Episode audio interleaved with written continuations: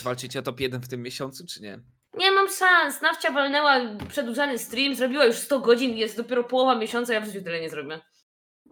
A jaką masz opinię o przedłużeniu? A dobra, w sensie, bo ja tak tego znowu się wyrywam. Da, żebyś na ten, bo nie będzie nic o tym. Możesz dodać. Bo jeszcze nie zaczęliśmy, a to wszystko potem idzie No, na YouTube'a. I potem z tego jest grubo pęga. Ale ciężko, żeby Lewusa kategoryzować jako lolowca. Bo wydaje No. mi się, że z tego go ludzie nie znają, no. Ja Ja znam z Lola. Aj, widzisz co teraz? Nie, wydaje mi się tak, tak sz- szczerze, że po prostu jakby no nie oddają ciebie to, no. Nie Ja oddaję Lewusa ligę jeszcze. Turniej, turniej w Lola. Ja, nie- chłopaki mówią, no, że jak wygra ta drużyna, to że Lewus przyjdzie na y, Lewus przyjdzie na wywiad. A ja tak, kto? A ja mówią, no Lewus. A bez kitu. A ja mówię, tak? Googluję szybko. Ty, faktycznie. No dobra, no to przyjdzie Lewus. A oni mówią, ty, ale on jest taki, uważaj na niego na wizji, bo może coś rzucić. Ja mówię, o kurwa. No A dobra. nic chyba złego nie powiedziałem wtedy. Nie, nie powiedziałeś Ej, co jest właśnie? W sensie, czemu tak? No nie, po prostu bałam się na przykład, bali się, że przeklnie albo coś takiego, no nie, A, że się wyrwie Nie, po nie, nie, jestem grzeczny. Na, na, Jak ty, trzeba na przeklinać, to chyba nie no, nie przeklinam. możemy przeklinać. To ciekawe. No i ci, którzy cię kojarzyli tam z tego, to mówili, że jesteś w stanie tam jakąś kurwą rzucić. Ej! A jak myślisz, który z komentatorów kiedyś rzucił na wizji Ja! słowem? Ja rzuciłam. Tak? Jak graliśmy w kalambury i byłam tak sfrustrowana, że nie odgadli mojego rysunku. Mówię, no kurwa, to jest ten! Ale powiedziałam to, ale powiedziałam to na tyle cicho i na tyle tak pod nosem, że, y, że przeszło boczkiem i powie... nie, nie było nic słychać i nikt nawet nie zauważył widzów. Dobra, nie, możemy uznać, że już zaczęliśmy. I po prostu wytnę to wcześniej. Dobra. Dobra. To co, zro- dobra, zrobisz, zrobisz przywi- początek. Przywitamy się jeszcze oficjalnie. No. Siema widzowie, kolejny odcinek naszego nowego sezonu, jak można tak powiedzieć. Dzisiaj z nami Kasix, kobieta. To jest, co było dosyć niespotykane w tym problemie. Druga, druga, bo już była. Kiedyś nam zarzucali, że nie było żadnych kobiet, a teraz już jest druga, więc Słychać mój wiatrak, to ja go wyłączę. dobrze, że przeszliśmy w sfery inne, to już jest więcej samic. W ogóle to było tak, że ja pamiętam, że ludzie do mnie strasznie się, bo ty stworzyłeś wtedy narrację, że nie chcę kobiet na podcaście. No bo tak było. się strasznie do Ty mnie nie chciałeś. Nieprawda. Nieprawda. Ja chciałem zrobić podcast z jakąś kobietą. Trzy No. lata temu, trzy lata temu, jakbyście mnie zaprosili na esportowy podcast, to bym bardziej pasowała niż teraz. A dlaczego trzy lata temu? No wtedy grałam w Overwatcha, jakby półprofesjonalnie można powiedzieć. Serio? No. W lidze akademickiej grałam. Sztos. Normalnie mieliśmy tam reprezentację uczelni i, i sobie cisnęliśmy w co sezon w Overwatcha. Ale tylko Overwatch sportowo? Tak, tak. Jak wam tam szło? No, wygrywaliśmy co sezon. O kurde. To jaką uczelnię reprezentowałaś? AGH. No, w Krakowie. A, okej, no to poważna uczelnia. Wojteczku, jak ocenka? AGH strony? teraz w LoLu jest chyba najlepsze. Z tego co Ty robisz research. No Piotra, właśnie, my zakładaliśmy całą wtedy organizację, znaczy organizację, no tą półorganizację agresorów. My wymyślaliśmy nazwę, logotyp do tego i w ogóle wszystko. I potem podpinaliśmy pod to Lola i CS-a z- zespoły i robiliśmy taką jakby dywizję e-sportową na uczelni. Czyli już Wtedy. od początku miałaś taką smykałkę do organizowania pewnych struktur. A, to bardziej nawet nie ja, e-sport. to, to taki jeden kolega bardziej to ogarniał niż ja, ale mega spoko było i tam ja ogar- ogarniałam bardziej fanpage, ogarniałam bardziej tam posty, żeby tam leciały i koordynację z innymi tam dywizjami. A jak tam stało Overwatch wtedy? To był jeszcze taki moment To były, to były spore początki Overwatcha i wtedy jeszcze była mniej więcej nawet nadzieja i szansa, że to się jakoś rozwinie bardziej, no ale no to, co sprawiło, to co sprawiło, że Overwatch nie wypalił? I czemu na przykład Valorant, co, co jakby wiesz, y, ja tutaj trochę swojej przemycę teorii. I co sprawi, że Valorant jako gra bardziej się przebije do świadomości?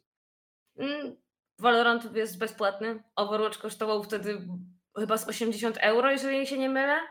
No był, był bardzo drogą grą jak na ten Mhm. czas i po prostu mało osób to miało jako grę. Kilku osób chciało to bardziej oglądać, ale w formie competitive no nie było w sumie żadnej sceny zbudowanej wtedy. A też co myślisz o tej strukturze całej, co tam powstała w Ameryce, gdzie trzeba było od razu slota kupić za parę tam milionów? Nie I śledziłam od ja w razu tam ogóle. była taka mocna franczyza i tamten cały system. Znaczy, to, tam to była miasta jedna wielka bańka, wiesz? Ktoś Ja tam mam wrażenie, ktoś tam chyba się tak zbytnio napalił i wymyślił jakiś taki przekombinowany system, tylko problem był taki, że nie za bardzo byli widzowie do tego Overwatcha i generalnie gra jako sama w sobie nie była aż taka playable. Przede wszystkim, dopóki nie ma dużej bazy casuali, nie będzie sportu. Kropka. Jakby chodzi o to, że możecie mi powiedzieć, ale co, w CS-ie przecież nie ma dużej, dużo ludzi nie gra, ale jakby przez CS-a każdy się przewinął, prawda? To, że on ma tak mocną pozycję w e-sporcie, no to to jest to, że każdy po prostu na informatyce grał w CS-a, nie? I, to... I bez ba- bazy casuali, ludzi, którzy w jakimś stopniu, wiesz, gdzieś tam przekażą zajawkę na tą grę, no to nie będzie e-sportu, który mógłby przeżyć. I Overwatch był bańką. No i bardzo szybko tam odpadł, nie? Nie no, w Ameryce się dalej mniej więcej tam trzyma, w sensie jest cały czas Overwatch League i tam z tego co wiem to dalej, dalej są te gry. E, Ale no w Europie się na pewno nie przyjął i nie przyjmie się już raczej w ogóle. No Overwatch jest chyba tak trochę na wymarciu, ale tak cały generalnie Blizzard tam się posypał odkąd ci kluczowi pracownicy zaczęli odchodzić. I tam się sprzedali do Activision. Tego to nie wiem, aż tak, aż tak w tym nie siedzę, żeby, żeby wiedzieć jaka sytuacja jest Blizzardu aktualnie. Wiem tyle, że ostatnio na streamach wróciłam tak sentymentalnie troszeczkę do Overwatcha i sobie gram czasami z widzami i wiem dlaczego już nie gram też w tą grę. Jest strasznie, strasznie jest duży rozstrzał, jeżeli chodzi o poziom umiejętności zawodników i też jest y, nieprzyjemna jest do oglądania. O, widzowie narzekają na tą grę, bo jest, nie jest za dużo się dzieje na raz i po prostu sześciu graczy wydaje mi się, że to jest troszeczkę za dużo, jeżeli chodzi o, jeżeli chodzi o taką gierkę. To A też gdzieś chyba ten ten problem był, że Hmm? ciężko było zrozumieć o co chodzi w tym Overwatchu, bo tam wszyscy skaczą lewo, prawo, jakiś wielki Winston na cały ekran. I No chyba tak. tego ten Spectator tam nie działa jakoś średnio. No, Na Spectator początku. też był, też był mega ciężki, no, to prawda. To Że ty nie- grałeś sporo levels, widzę, w tego. W Ja, nie gra, ja grałem w Overwatcha, nie wiem, z 10 godzin? Jak był darmowy wtedy. Był taki okres, że był ty darmowy. Były, darmowe weekendy były w Overwatcha, no. Ile wtedy miałeś grałem. godzin mniej więcej w Overwatcha? Ja wtedy jak graliśmy, nie wiem, może z 600 albo 700? No i trochę jeszcze kiedyś XQC oglądałem, jak w Overwatcha grał, ale tak to poza tym to ciężko. Jeśli No dobra, bo ja chciałem, za- ja chciałem zapytać, czy ty masz ten komfort streamowania takich gier jak Overwatch, w rozumieniu, że wiesz, że po prostu mówisz sobie, a dzisiaj mam ochotę gdzieś tam nostalgicznie do tego wrócić, odpalam Overwatcha. Czy, czy jakby i- masz na tyle taką widownię, która po prostu gdzieś tam i, i też jakby to, co robisz jest na tyle variety, że możesz sobie tak skakać po gierkach? Czy jednak masz jakieś takie flagowe swoje rzeczy? Mm, moją flagową, ulubioną rzeczą jest y, siedzenie, y, I klikanie w linki od widzów, tak? Y, I klikanie w linki od widzów i generalnie jedzenie sobie do tego i komentowanie z widzami. I to jest moje ulubione zajęcie. Wtedy mam najlepszą integrację z czatem. Możemy sobie dyskutować na każdy temat. Przede wszystkim dyskusja jest też przyjemna i ciekawa. I to jest jak dla mnie mega fajny content i bardzo integracyjny właśnie z czatem. A później jak przechodzę na inne tytuły, to 80% mojej widowni jest y, u mnie na streamie dla mnie, a nie dla tytułu. Więc zostają ze mną przynajmniej te 80%, nieważne w co gram. Mogę nawet. Bardzo popularną grą u mnie na streamie jest e, Rock Simulator, czyli symulator skały i po prostu jest skała i nabija się poziomy, po prostu patrząc się na skałę. Nic więcej się nie robi. I to też u mnie oglądają ludzie, bardzo, bardzo zresztą lubią. To jest taki trochę just chatting i po prostu ci w tle leci. Biliśmy chyba 50 level ostatnio na tym. Coś takiego. No. Generalnie teraz wydaje mi się, że jest taka trochę meta, bo wszystkie te gry jest teraz niby GTA RP, a ty w sumie też grałeś w GTA RP zawsze. Zaczynałam od tego, tak. Jak w ogóle zaczęły się twoje początki ze streamingiem? Y, Ja byłam y, w akademiku, na laptopie grałam sobie właśnie w Overwatcha. Właśnie, ja mogłam całą karierę sportową grałam na laptopie jak coś. E, A potem zaczęłam właśnie grać w GTRP i miałam strasznie słaby internet. Cały czas mnie lagowało, nie byłam w stanie się łączyć z serwerem, no był dramat generalnie. I grałam właśnie z jednym z moich kolegów, który był wtedy bardzo promowany nawet przez Ksajo samego, który tam grał wtedy i miał po 20 tysięcy osób na streamach, co było na ten moment trzy lata temu to było totalne wow, jeżeli chodzi o polskiego Twitcha. To No ja kogo tam- promował? Y, Edena. Y, Edenito miał na Twitchu. I on go promował, więc Eden sam z mojego streamera stał się streamerem na poziomie 3000 widzów, po prostu z samego geta. Y, I jego widownia mnie polubiła, bo grałam razem z nim i mówili mi, żebym odpaliła streama. No ale ja byłam w akademiku, mówię, nie, nie, streamy to nie dla mnie, ja się nie nadaję do tego i nie chcę. No ale przyszedł czas, że wyprowadziłam się z akademika, wróciłam do domu i stwierdziłam takie, a jakby tak spróbować? No i pożyczyłam komputer od brata, odpaliłam sobie pierwszego testowego streama i na tym pierwszym testowym streamie było 100 osób. Tyle osób chciało widzieć moją perspektywę z tej gry. I później nigdy moja średnia widzów nie spadła poniżej 100 w sumie. Całe wakacje przestreamowałam na komputerze brata. On schodził z komputera o 22, ja dopiero wtedy się odpalałam ze streamem, streamowałam do 7 rano. Wtedy on przychodził na przykład rano, albo rodzice wstawali, musiałam też wtedy kończyć. I generalnie tak to wyglądało. I przez całe wakacje uzbierałam na swój komputer i później już streamowałam sobie sama po prostu. Kurde, to też miałeś godziny takie ciekawe, nie? Najgorsze drugiej na świecie. Ciekawe, ciekawe jacy ludzie się tam Znaczy- przewijali, wiesz? W streamowaniu takim nocnym jest o tyle spoko to, że jak tak zaczynasz 22 i streamujesz, nie wiem, powiedzmy do czwartej, to zbierasz pewnie wszystkie rajdy po kolei. No tak, bardzo dużo, bardzo dużo dostawałam rajdów, generalnie hostów, byłam takim ostatnim przystankiem. I potem e, jeszcze, potem jeszcze masz tych takich ludzi, co tak niby są na tym streamie, ale pewnie już gdzieś tam zasnęli. No to też I oni też się tam trzymają. Oni też te się tam statystyki ci tak. podbijają. Coś, coś w tym było, no. No tak, no ale statystyki jakkolwiek by nie podbijane były, to najważniejsze jest to, żeby ten czat y, był responsywny, prawda? Co, co się nie robi, to jednak y, streamer już, dla niego najważniejsze jest to, żeby czat był żywy. I tak i nie. U mnie na GTA zawsze czat był praktycznie martwy, na zasadzie bardzo mało osób pisało i ludzie przychodzili i o, niby tysiąc widzów, a nikt, a nikt na czacie nie pisze. Ja mówię, tak? To zobacz. Właśnie aktywuję moje viewboty i w tym momencie moje viewboty się odpalają, piszą wszystkie na czacie 144, moje viewboty się odpalają. No I teraz patrz co, się dzieje, patrz, co się 1.4.4? dzieje u Lewusa teraz na Bo- czacie. O co chodzi z 1.4.4? Bo na początku też tak pisali. Ja E, myślałem, że nie, oni odświeżanie monitorami piszą, czy co? Nie, to, to jest totalnie losowa liczba, którą sobie wymyśliłam właśnie po to, żeby udowadniać widzom, którzy przychodzą, że mam same viewboty i mnie nikt nie ogląda, są tylko viewboty na czacie. Stąd też mamy motki viewbotów na przykład i, i cała ta liczba jest taka totalnie randomowo wymyślona. I czasami jak się buntują moje maszyny, to na przykład piszą inną liczbę, albo piszą 441, albo error, albo 404, więc tam sobie kombinują z tymi numerkami, ale to jest taki mem kanałowy przynajmniej. Ale to co, to od GTA RP się w sumie tak twoja przygoda z mainstreamem zaczęła, ze streamingowym. Tak, zdecydowanie tak. No bo to jest ciekawe, bo ja widzę, że co jakiś czas wraca ta meta. Teraz zresztą jesteśmy chyba w piku GTA RP.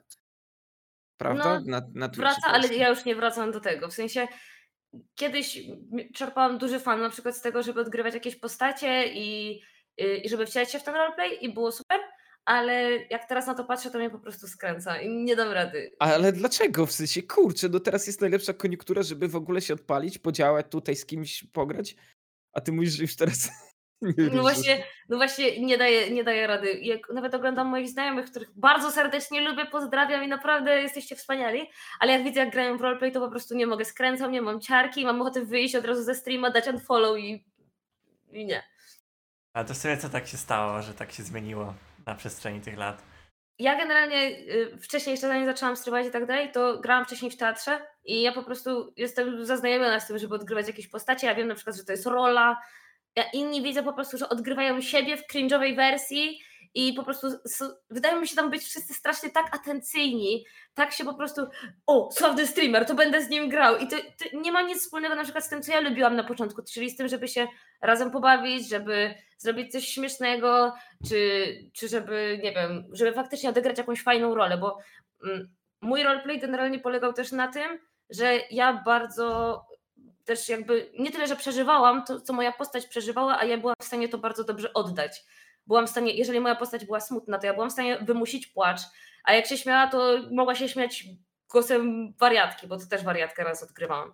Więc ja naprawdę się tak wcielałam w postać i traktowałam to jako takie wyzwanie aktorskie, a nie cringe'owy roleplay do podbicia sobie zasięgu. A co jest streamer, teraz. streamek z RP powinien być bez kamerki? To jest jakiś taki savoir vivre tego, tego, że tak powiem, roleplayu, czy jak? Bardzo dużo osób czuje się niekomfortowo w momencie, kiedy odg- odgrywa głos y, jakiejś postaci i ma na sobie pokazaną kamerę. Ja też w wielu przypadkach, na przykład kiedy wymuszałam płacz albo, albo kiedy robiłam jakąś bardziej, bardziej się chciałam wczuć w postać, to wolałam nie mieć kamery.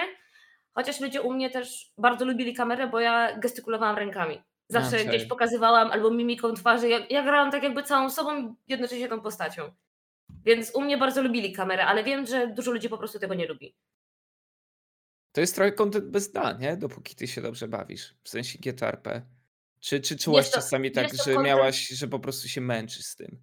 Jest to content bez dna. Jedyne, co nas ogranicza, to niestety gracze dookoła i, i nasza wspólna kreatywność, bo jeżeli grasz z trzema ludźmi, którzy jedyne co potrafią to zrobić tam napad na bank jak w normalnym GTA po prostu i nic więcej jakby nie wnoszą, nie wnoszą właśnie niczego takiego od siebie specjalnego, to znudzicie się po tygodniu. Jasne. Mi ciężko się wypowiada, zresztą Lewus ty chyba też nie Ja też nie. Ja tylko tyle co XQC przez chwilę pooglądałem. I tak tym, teraz ostatnio czasem wejdę i zobaczę co tam się dzieje, ale za bardzo nie rozumiem o co chodzi. I no, no ale ja też zawsze taki byłem, że ja tylko ligę oglądałem i szachy. I just chatting i oglądanie YouTube'a. Ja raczej bardzo jak ktoś tam grał w content. inne gry, to wychodziłem.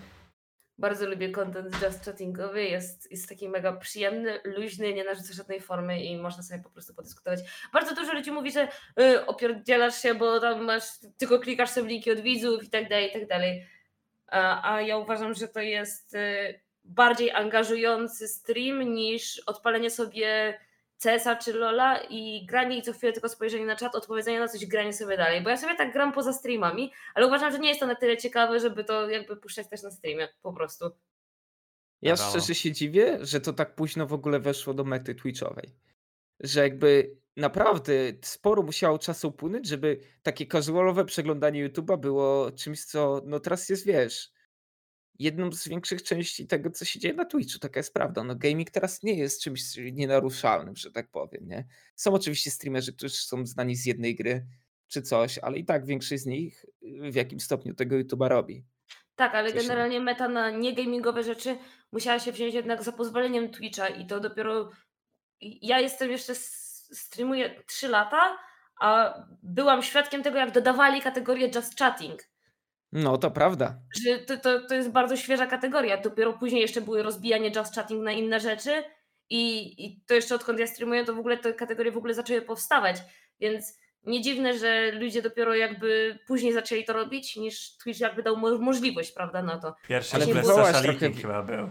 No. I potem dopiero się w just chatting przerodziło. Ale wywołaś wilka z lasu trochę, bo mam nadzieję, że Wojtek nie będziesz miał mi tego za złe, że skoczymy właśnie do tematu Twitcha, który też miał być takim jednym z głównych, niekoniecznie dotyczących ciebie stricte, ale chciałbym, żeby, chciałbym poznać twoją opinię na ten temat, bo wychodzę przede wszystkim z tego, co napisałaś ostatnio na Twitterze, że dostałaś e, ostrzeżenie na Twitchu za, cytując, dupę w stringach. No, E, to możesz na początku opisać szerzej kontekst tego, a później, później jakby sobie a przejdę do tego, co, co jeszcze przygotowaliśmy. To generalnie y, była jakaś tam, znowu przeglądałam internet oczywiście, y, było, pojawiło się mi kanał aferki z jakąś aferą jakiegoś rapera, z tą, tą babą. Queen of the Black. Queen of the Black, tak. Trilpem on się chyba nazywał.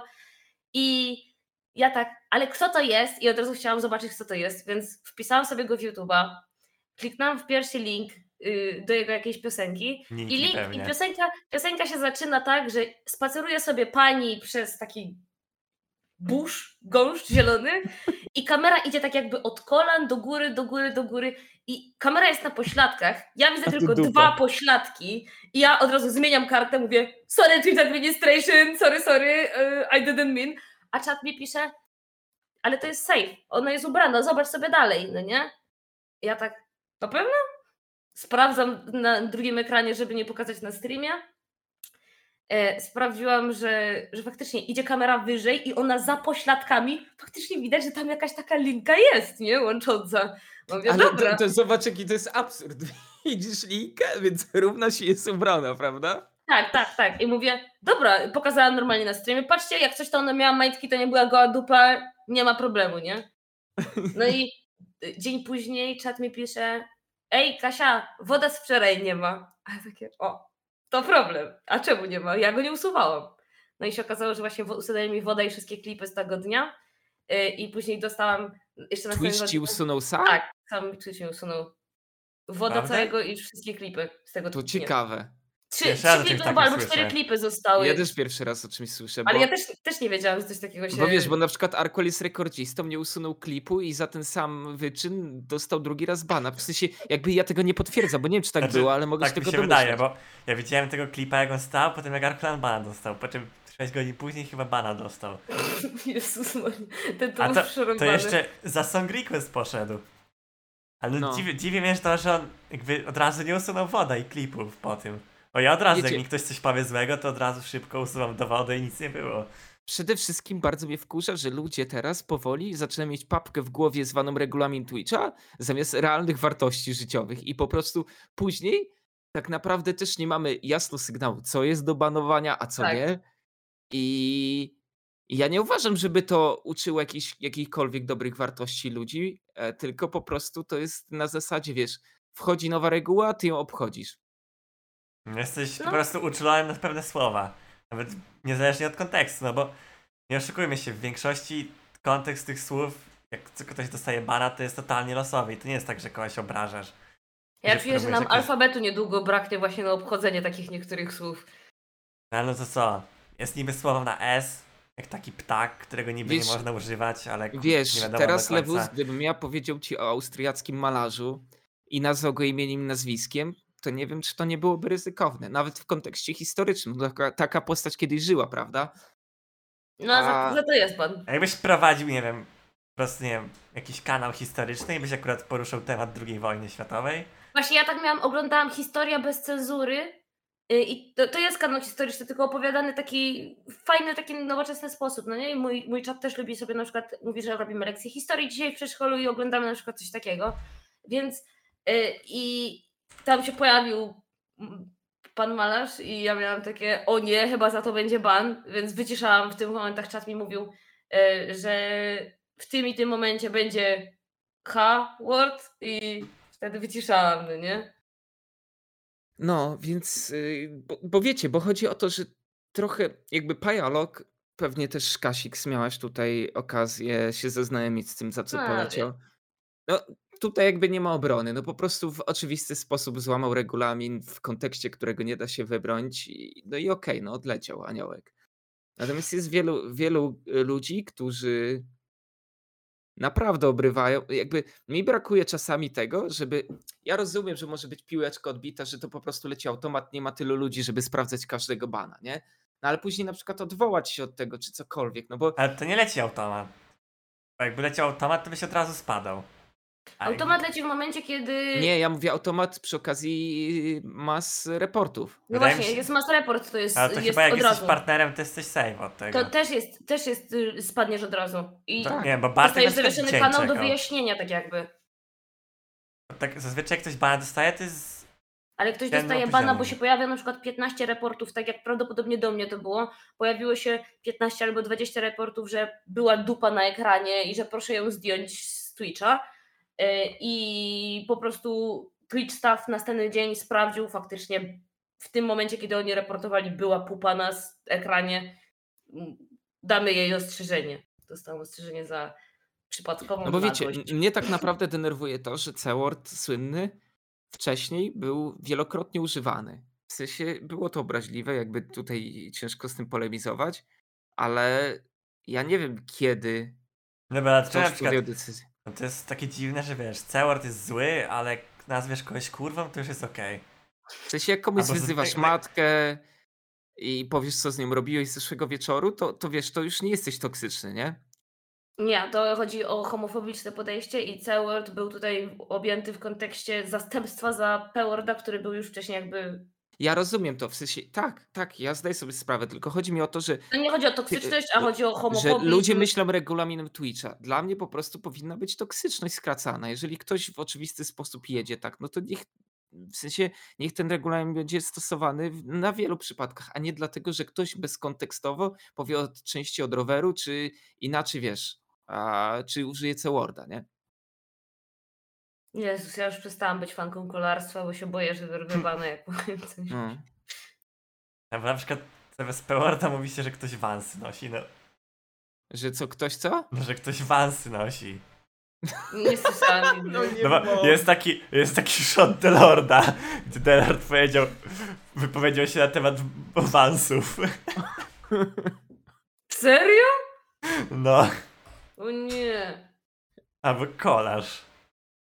No, ale widzicie, chodzi o to, że to No jest tylko. To, jest jest bez zabawa w kotka i myszkę, że po prostu jakieś słowo jest banowane, to później po prostu obchodzimy to, szukamy zamiennika. A później wiesz, e, jedyne co mogą zrobić e, ktoś, kto chce ci po prostu a, zrzucić kanał, to wchodzi i albo pisze ci na czacie, albo ustawia sobie nick na Steamie, albo gdzieś wbije i po prostu gada, jakby totalnie nie rozumiejąc, dlaczego to słowo jest obraźliwe, tylko dlatego, że jest banable. Tak samo No jak tak. teraz jest ta afera cała z tym C-Wordem, no to tak jak nie widziałem chyba, żeby nikt kiedykolwiek napisał na moim czacie C-Worda, to tak jak potem Ripson powiedział, że za to spadnie i dostanie bana, swoją drogą chyba po dwóch dniach jeszcze nie dostał, to wszyscy zaczęli pisać to, zdążył co... zrobić streama sponsorowanego, więc muszę iść na pokaz. Nawet dwa, nawet dwa zrobił. Tak? No to dwa No, nawet. Knockout City i tych. I, I te statki jakieś. A Rybson Cwaniak wykorzystał. Powiedział stream do bana, więc lecimy. Sponsorowane segmenty. Nie, No oczywiście. Tyle razy się pojawiło to na moim czacie w, w, po, tym, po tej całej akcji. Ja tak nie wiem, nikt tego nie używa. I potem A przez jak to, było- jest takie na takiej brak liście, to potem wszyscy zaczynają to używać. A jak było Żeby- z określeniem y, panów, którzy bardzo się cieszą na widok dziewczyn, czy wcześniej wysyłają im dużo pieniędzy i było takie słowo na to ładne, które wcześniej było na S i teraz już nie ma tego słowa, bo jest banowane. Dopóki jakby te, nie było, że nie było tej afery, że y, te trzy słowa będą banable, nikt ich nie używał, a ja w stosunku do dwóch musiałam nawet googlować tłumaczenie chyba. Bo, Teraz- bo jakieś tam trzy, trzy słowa wtedy były, nie pamiętam jakie. Tak, No na krewetka, pewno krewetka. I coś tam, no, no, no to jest dziwne z tymi słowami. Ale one tak samo nie były używane do, moment, do momentu tak bardzo, aż nie zostały powiedziane, że są zakazane. A teraz w ogóle jest jakaś taka fala banowania ludzi na Twitchu.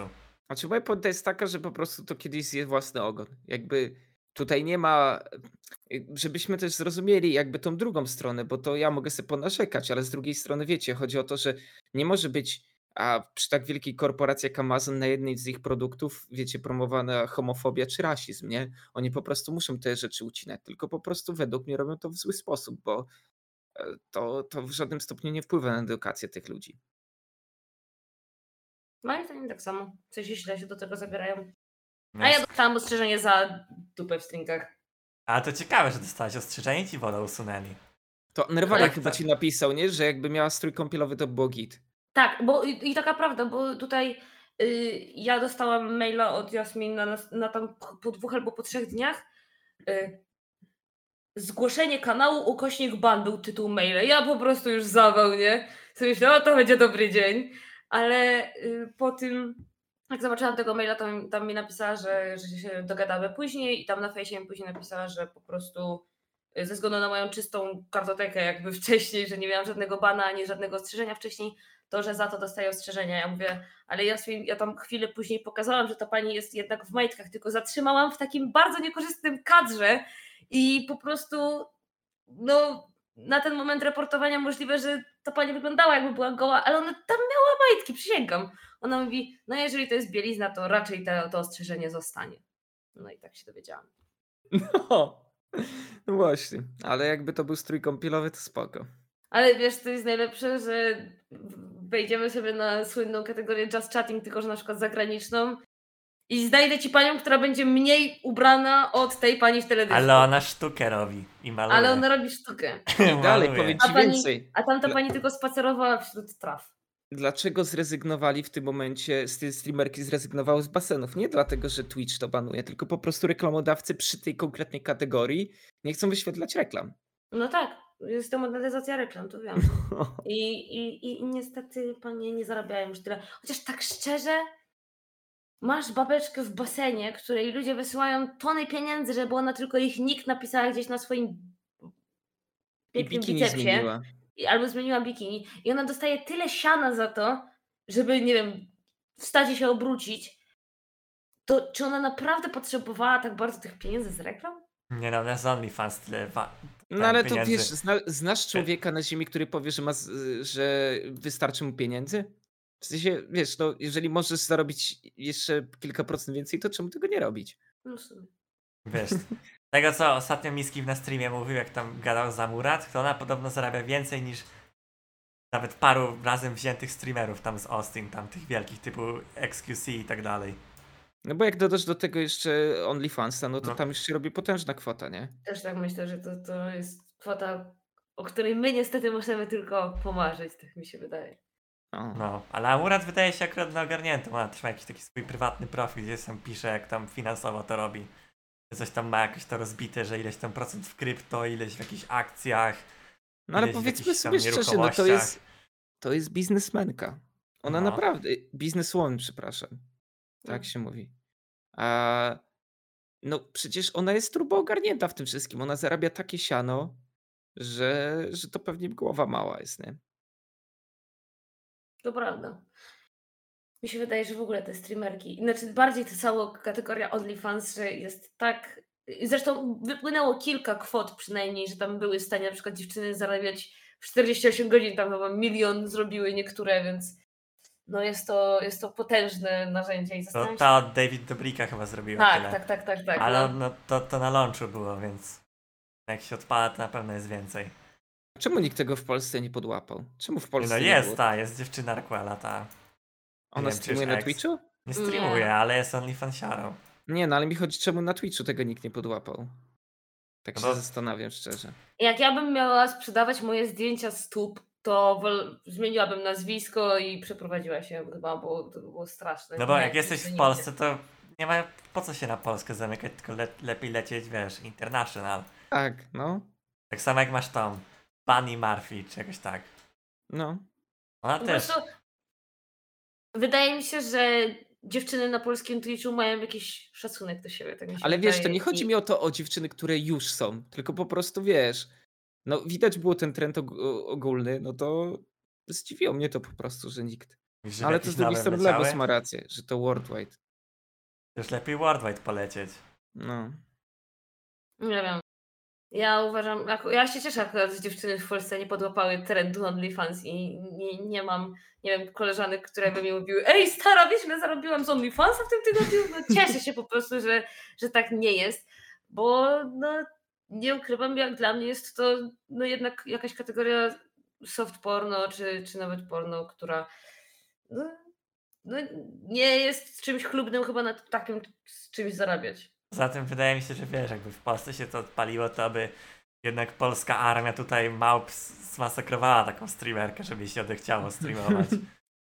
Naprawdę Mentalność trzeba chyba mieć też, stalową psychę. no. Mentalność chyba Polaków też by nie dała rady. Wydaje Ja myślę, się, że generalnie do bycia osobą publiczną trzeba mieć bardzo mocną psychę, bo bez tego to A miałaś jakiś kryzys w związku z tym? Miałaś jakiś kilka. moment? Kilka Mhm. kryzysów miałam w przeciągu mojej kariery streamerskiej. Ale to wynikało z, nie wiem, z wypalenia, czy to wynikało z presji, która, na którą na tobie narzucali widzowie? To wynikało z komentarzy, które były nieprzychylne? Mm, Różnie. Pierwszy kryzys, jaki miałam, e, może to głupie, ale pierwszy kryzys był spowodowany ilością widzów na kanale. Kiedy ja zaczynałam streamować, właśnie tak jak mówiłam, moja średnia nigdy nie spadła poniżej 100. To tak się utrzymywało przez całe wakacje. W dwa miesiące dostałam partnera na Twitchu, miałam po 300-400 widzów od razu na początku, więc to był naprawdę świetny wynik jak, jak, na, jak na początkującą streamerkę. Y, I po prostu w momencie, kiedy przyszedł wrzesień i na GTA na przykład też nie było co za bardzo robić i ja miałam pierwszy spadek widzów, to ja miałam takie, o nie, rzucam to wszystko, mam dość, już nikt mnie nie chce oglądać. Miałam straszny, taką, ja to nazywam teraz taką deprechę streamerską, bo bardzo dużo osób to ma i mało kto o tym też mówi. Ja kiedyś to poruszałam ten temat u mnie na streamie, ale bardzo dużo osób ma tak, że jeżeli pikuje i ma te liczby takie super, potem się utrzymuje, potem jest lekki spadek, ale idzie, ta, jak idzie taka lawina w dół, to masz takie, już mi się nie chce tego robić, już może nie jestem na tyle ciekawa, może czas to skończyć i masz po prostu taką deprechę troszeczkę streamerską.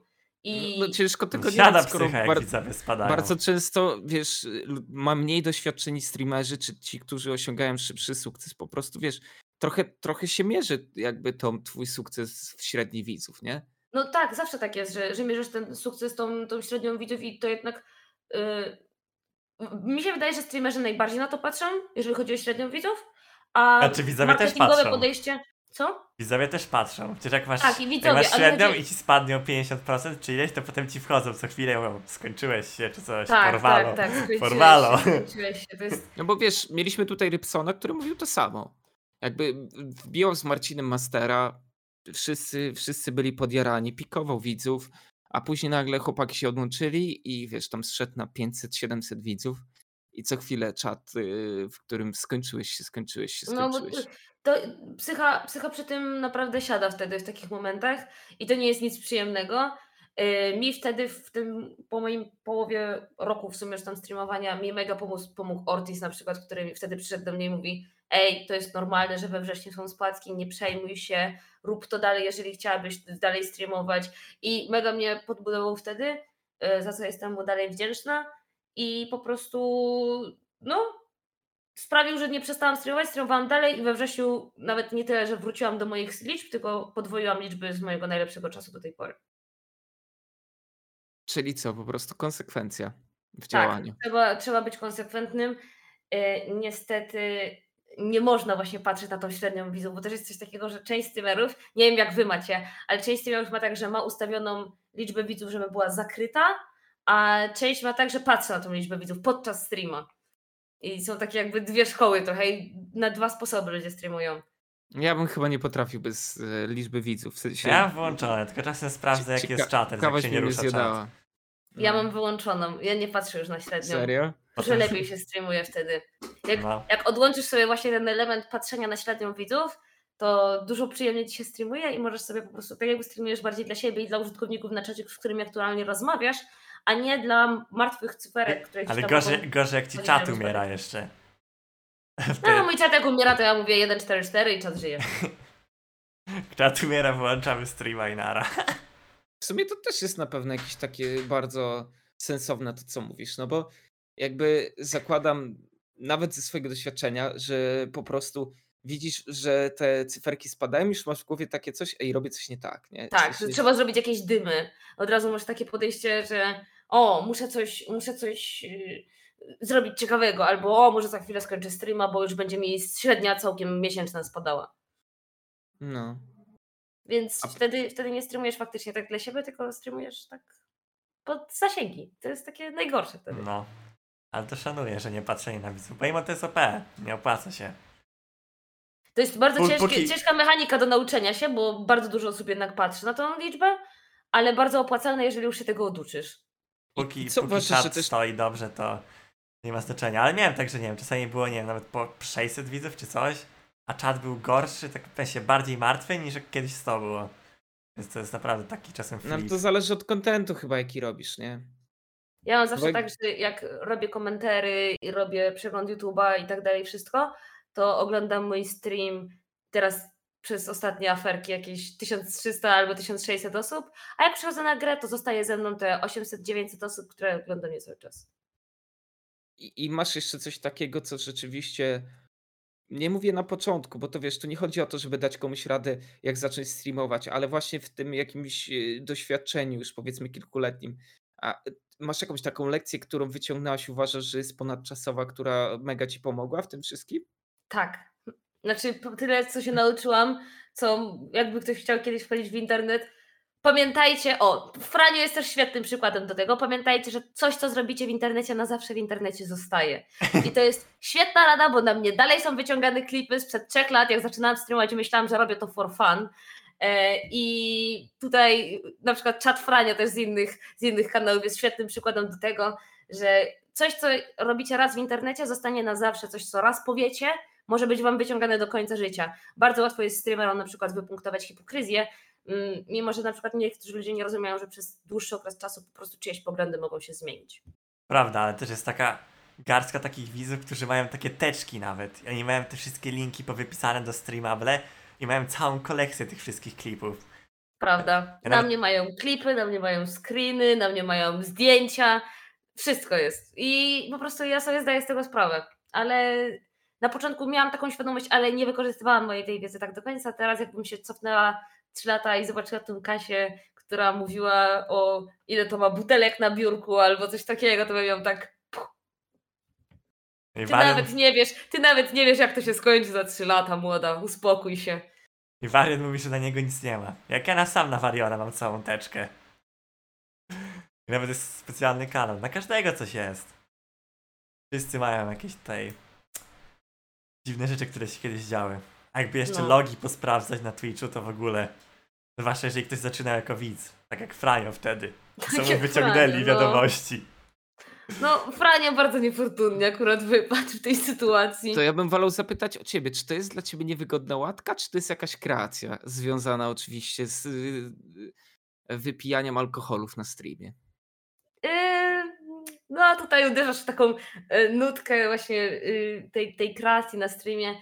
Ja dla mojego czatu jestem y, przedszkolanką, która rozdziela ich do pokoi. Jestem menelicą, która robi tornado na streamie. Y, Jestem samotną kobietą, która w życiu sobie nie znajdzie chłopaka. Jestem tak nieodpowiedzialna, że nawet kota nie, kotem nie potrafiłabym się zająć. I teraz to zostanie sklipowane i będzie napisane Kasik mówi całą prawdę o sobie. Więc y, tak po prostu jest, no nie? I, i o, czat teraz robi tornado, super jesteście. Więc jest to w pewnym, w pewnym rodzaju jest to taki, uważam przynajmniej mem, gdzieś tam tak samo kanałowy, tak samo jak y, 144, czy, czy właśnie to tornado, czy coś takiego. Gdzieś to jest taki mem społeczności. No i taka jest moja rola na streamie i nie wychodzę z tej roli. Czujesz się w niej dobrze? Dobrze mi w tej roli. A nie nikt na ciebie nie krzyczy, nie przeszkadza ci to w potencjalnych, nie wiem, współpracach? Yy, może was zdziwię, ale ja nie piję na każdym streamie alkoholu. Nawet jeżeli tak to wygląda. To No- nie no wiesz, na no, każdym Tak jak ci mówiłem, do, do mnie tylko takie szoty Ja docierają. wiem wiesz. i na YouTubie latają tylko takie. Ja nawet y, z, ostatnio do mnie nawet DMG napisał, nie wiem, trzy tygodnie nie gadaliśmy o niczym, ani nic. DMG do mnie pisze, ej Kasia, bo całą główną mam zasypaną tobą i alkoholem. Chyba masz jakiś problem, ja jako dobry kolega muszę tutaj zwrócić ci uwagę, czy wszystko w porządku?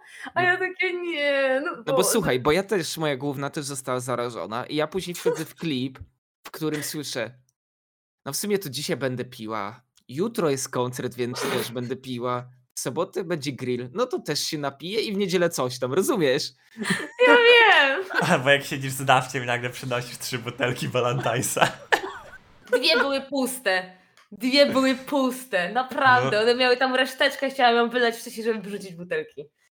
Ale tego Czyli nikt to nie widział. kreacja, to kreacja. A tak samo, tak samo, no myślicie, że mi się na tyle trzęsie ręka, żeby, że jak robię kreskę, to o, muszę się napić piwa, bo mi się ręka trzęsie. No. To jest takie pod mema, to jest takie robione, wiecie, dla śmiechu, a wycięte z kontekstu wygląda naprawdę, kurde, źle. No, Wycięty, jak kreskę wytniesz z kontekstu, to różne rzeczy wychodzą. No właśnie, O, dla, dla naszych y, słuchaczy ze Spotify'a chodziło oczywiście o. Makijaż, makijaż, Tak. chodziło o makijaż. Widzisz, no, no Twitch jest mistrzem. Ja spodziewam się, że po tym podcaście też będzie kilka, kilka shotów wyciętych z kontekstu. Tak, Azaz już się nie może doczekać. Chłop, który właśnie te klipy zrobił, któremu te klipy tak zażarły właśnie w stronę, to, na stronę góry. Ale, ale nie uważasz, że to mimo wszystko wiesz, e, w jakim stopniu działa na Twoją korzyść, jeżeli chodzi o rozpoznawalność? Bo wiesz, ja mogę podejść do tego tak, powiedzieć, kurde, przyjdzie później jakiś pan w garniturze i powie, nie no, z Kasix nie będziemy współpracować, ona pije na co drugim stream alkohol. Ale z drugiej strony, wiesz, no, na pewno sporo więcej widzów się dowie o tym, co robisz. Yy, Jest faktycznie ostatnio spory przyrost widzów, jednak moje streamy ostatnio przez te klipy opierają się tylko na tym, że 80% wiadomości na czacie to jest stara, to co, jakieś piwko, dostaję donate na przykład o treści piwko, czekam na ciebie w lodówce, albo, albo no wuja już jedzie i szykuj się na odwyk i że Nitro przyjeżdża i Mhm. powiedział, że mi kupuje wszywkę, więc naprawdę mój kontent ostatnio jest zawinięty tylko wokół tego, mimo że powiedziałam, że przez miesiąc nie piję, żeby nie dawać więcej klipów, pozorów i shotów tam do ludzi z tego YouTube'a. Stwierdziłam, że robimy przerwę. A teraz uznali, że skoro robię przerwę i potrzebowałam przerwy, to że faktycznie miałam problem. No i Nie ma dobrego wyjścia, Sprawdzają niestety. twoją psychikę, no. No ale moja psycha też, też powoli robiła przysiad. Zaczęłam się przejmować tym faktycznie, y, i postanowiłam y, troszeczkę bardziej zdrowy tryb życia prowadzić. No bo żarty żartami, nie? A ja tam słyszałem, że wiesz, że twoja mama też ogląda rzeczy, które ty streamujesz. I Moja później mamusia jak... zawsze ogląda, ona śledzi zawsze moje Instastory, lajkuje Mam nadzieję, że nie ma YouTube'a, wiesz, bo jak trafi na głowę. Ma YouTube'a. Na, na pewno, jeśli też gdzieś tam wyświetlę. Ja z moimi rodzicami już przechodziłam przez gorszy okres, jakby jeżeli chodzi o moje streamy, bo moi rodzice y, stwierdzili, że ej, nasza córka zarabia tyle pieniędzy, jest taka sławna, pochwalmy się znajomym.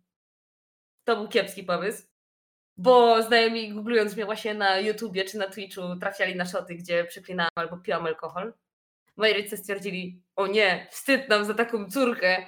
No i była tam lekka spina z rodzicami wtedy, ale już zażegnana. Ta, właśnie tata też miał problem. Wytłumaczyłaś, że to tylko konwencja. Nie, powiedziałam, Gra że tato aktorska. jedno piwo to nie alkoholizm, uspokój się. No dobra, ale mówiłaś, że że tego, że żadnego chłopaka nigdy w życiu nie będziesz miała.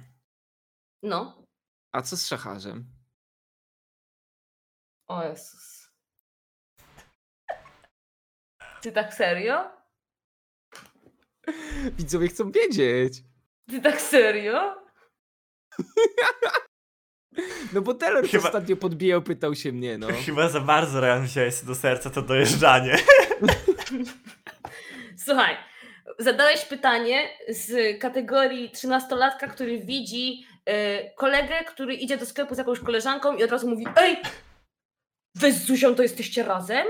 Chodzicie po bułki do sklepu całujecie się na pewno na korytarzu. To jest ten rodzaj pytania. Nieprawda, nieprawda. prawda. Bo, nie, nie, To- nie, nie. to jest ja, totalnie robiłem, ja, prawda. robiłem, ja robiłem poważny research No, do tego odcinka. i jak ci poszło? Co, co na mnie masz? Nie, no to nie chodzi o to. To nie chodzi o to, że ja mam znaleźć na zobaczyłeś? Zobaczyłeś jednego shota i zdjęcie z inst- na Instagramie ze ślubu, co? Poważny research. No i tam wynikało, że wiesz, że szacharz y, przy okazji Delorda po prostu powie, y, był gdzieś tam e, lekko podirytowany tym, że Buła, Buła coś tam mówił na szocie. Słuchaj, gadaliśmy o kreacjach na streamie, gadaliśmy o tym, że czasami robią coś pod mema. To czasami takie komentarze No właśnie, ale to w takim razie nie, nie powinno cię to, wiesz, tak y, krępować w takim razie, skoro jest to Mnie to, kreacja. mnie to w żaden sposób nie krępuje. Mnie to bardziej bawi, że ktoś jest w stanie w tak słabo zrobioną kreację uwierzyć. O, może w ten sposób. Gdzie Ale nawet nie, ja nie wydaję. uważasz, że y, ludzie na Twitchu bardzo często żyją takimi shipami? Nie no wiadomo, jak rozmawiasz z dziewczyną na streamie, to od razu znaczy, że się ruchacie. No. Takie są fakty. Y, Mnie bardzo bawią takie, takie shipy też, bo bardzo często na przykład ja mam bardzo dużo kolegów, y, wśród streamerów tak samo. No, często się zdarza, że gram z kimś dual, albo po prostu z kimś streamuję i najgorszy, nawet nie ship, ale połączenie jakie mi się trafiło, to że ja z Enigmą y, jesteśmy rodzeństwem, bo oboje jesteśmy ludzi i najlepsze jest to, że tak mocno to wkręcaliśmy widzom, że dostaję do dzisiaj wiadomości na Instagramie, że twój brat robi coś tam, coś tam. I ludzie wierzą, że my Jesteś jesteśmy ruda? rodzeństwem. Nie jestem ruda! No Przed chwilą sama to powiedziałaś, dlatego tak się zdziwiłem. No widzowie tak twierdzą, że jestem ruda. Okej. To Ale Ja pamiętam, że Arkwell ze swoją y, byłą dziewczyną przez pół roku mówił widzom, że to jest siostra. Coś też takiego było. no właśnie, no to no, ja z jesteśmy niby tutaj rodzeństwem, a cały czas y, jest tak, że mm, no, z kimkolwiek nie zagram, to jest później, że o, jesteśmy parą albo coś takiego, no nie? Ale jak ja przyjdę do mojego czatu i zapytam, powiem im na przykład, czat, od dzisiaj mam chłopaka, już nie jestem sama, to zaraz zobaczycie, to oni odpiszą na czacie, no. Nikt ci nie uwierzy. 1, 4, 4. Nie, napiszą, napiszą, no. Okej, KGW. No.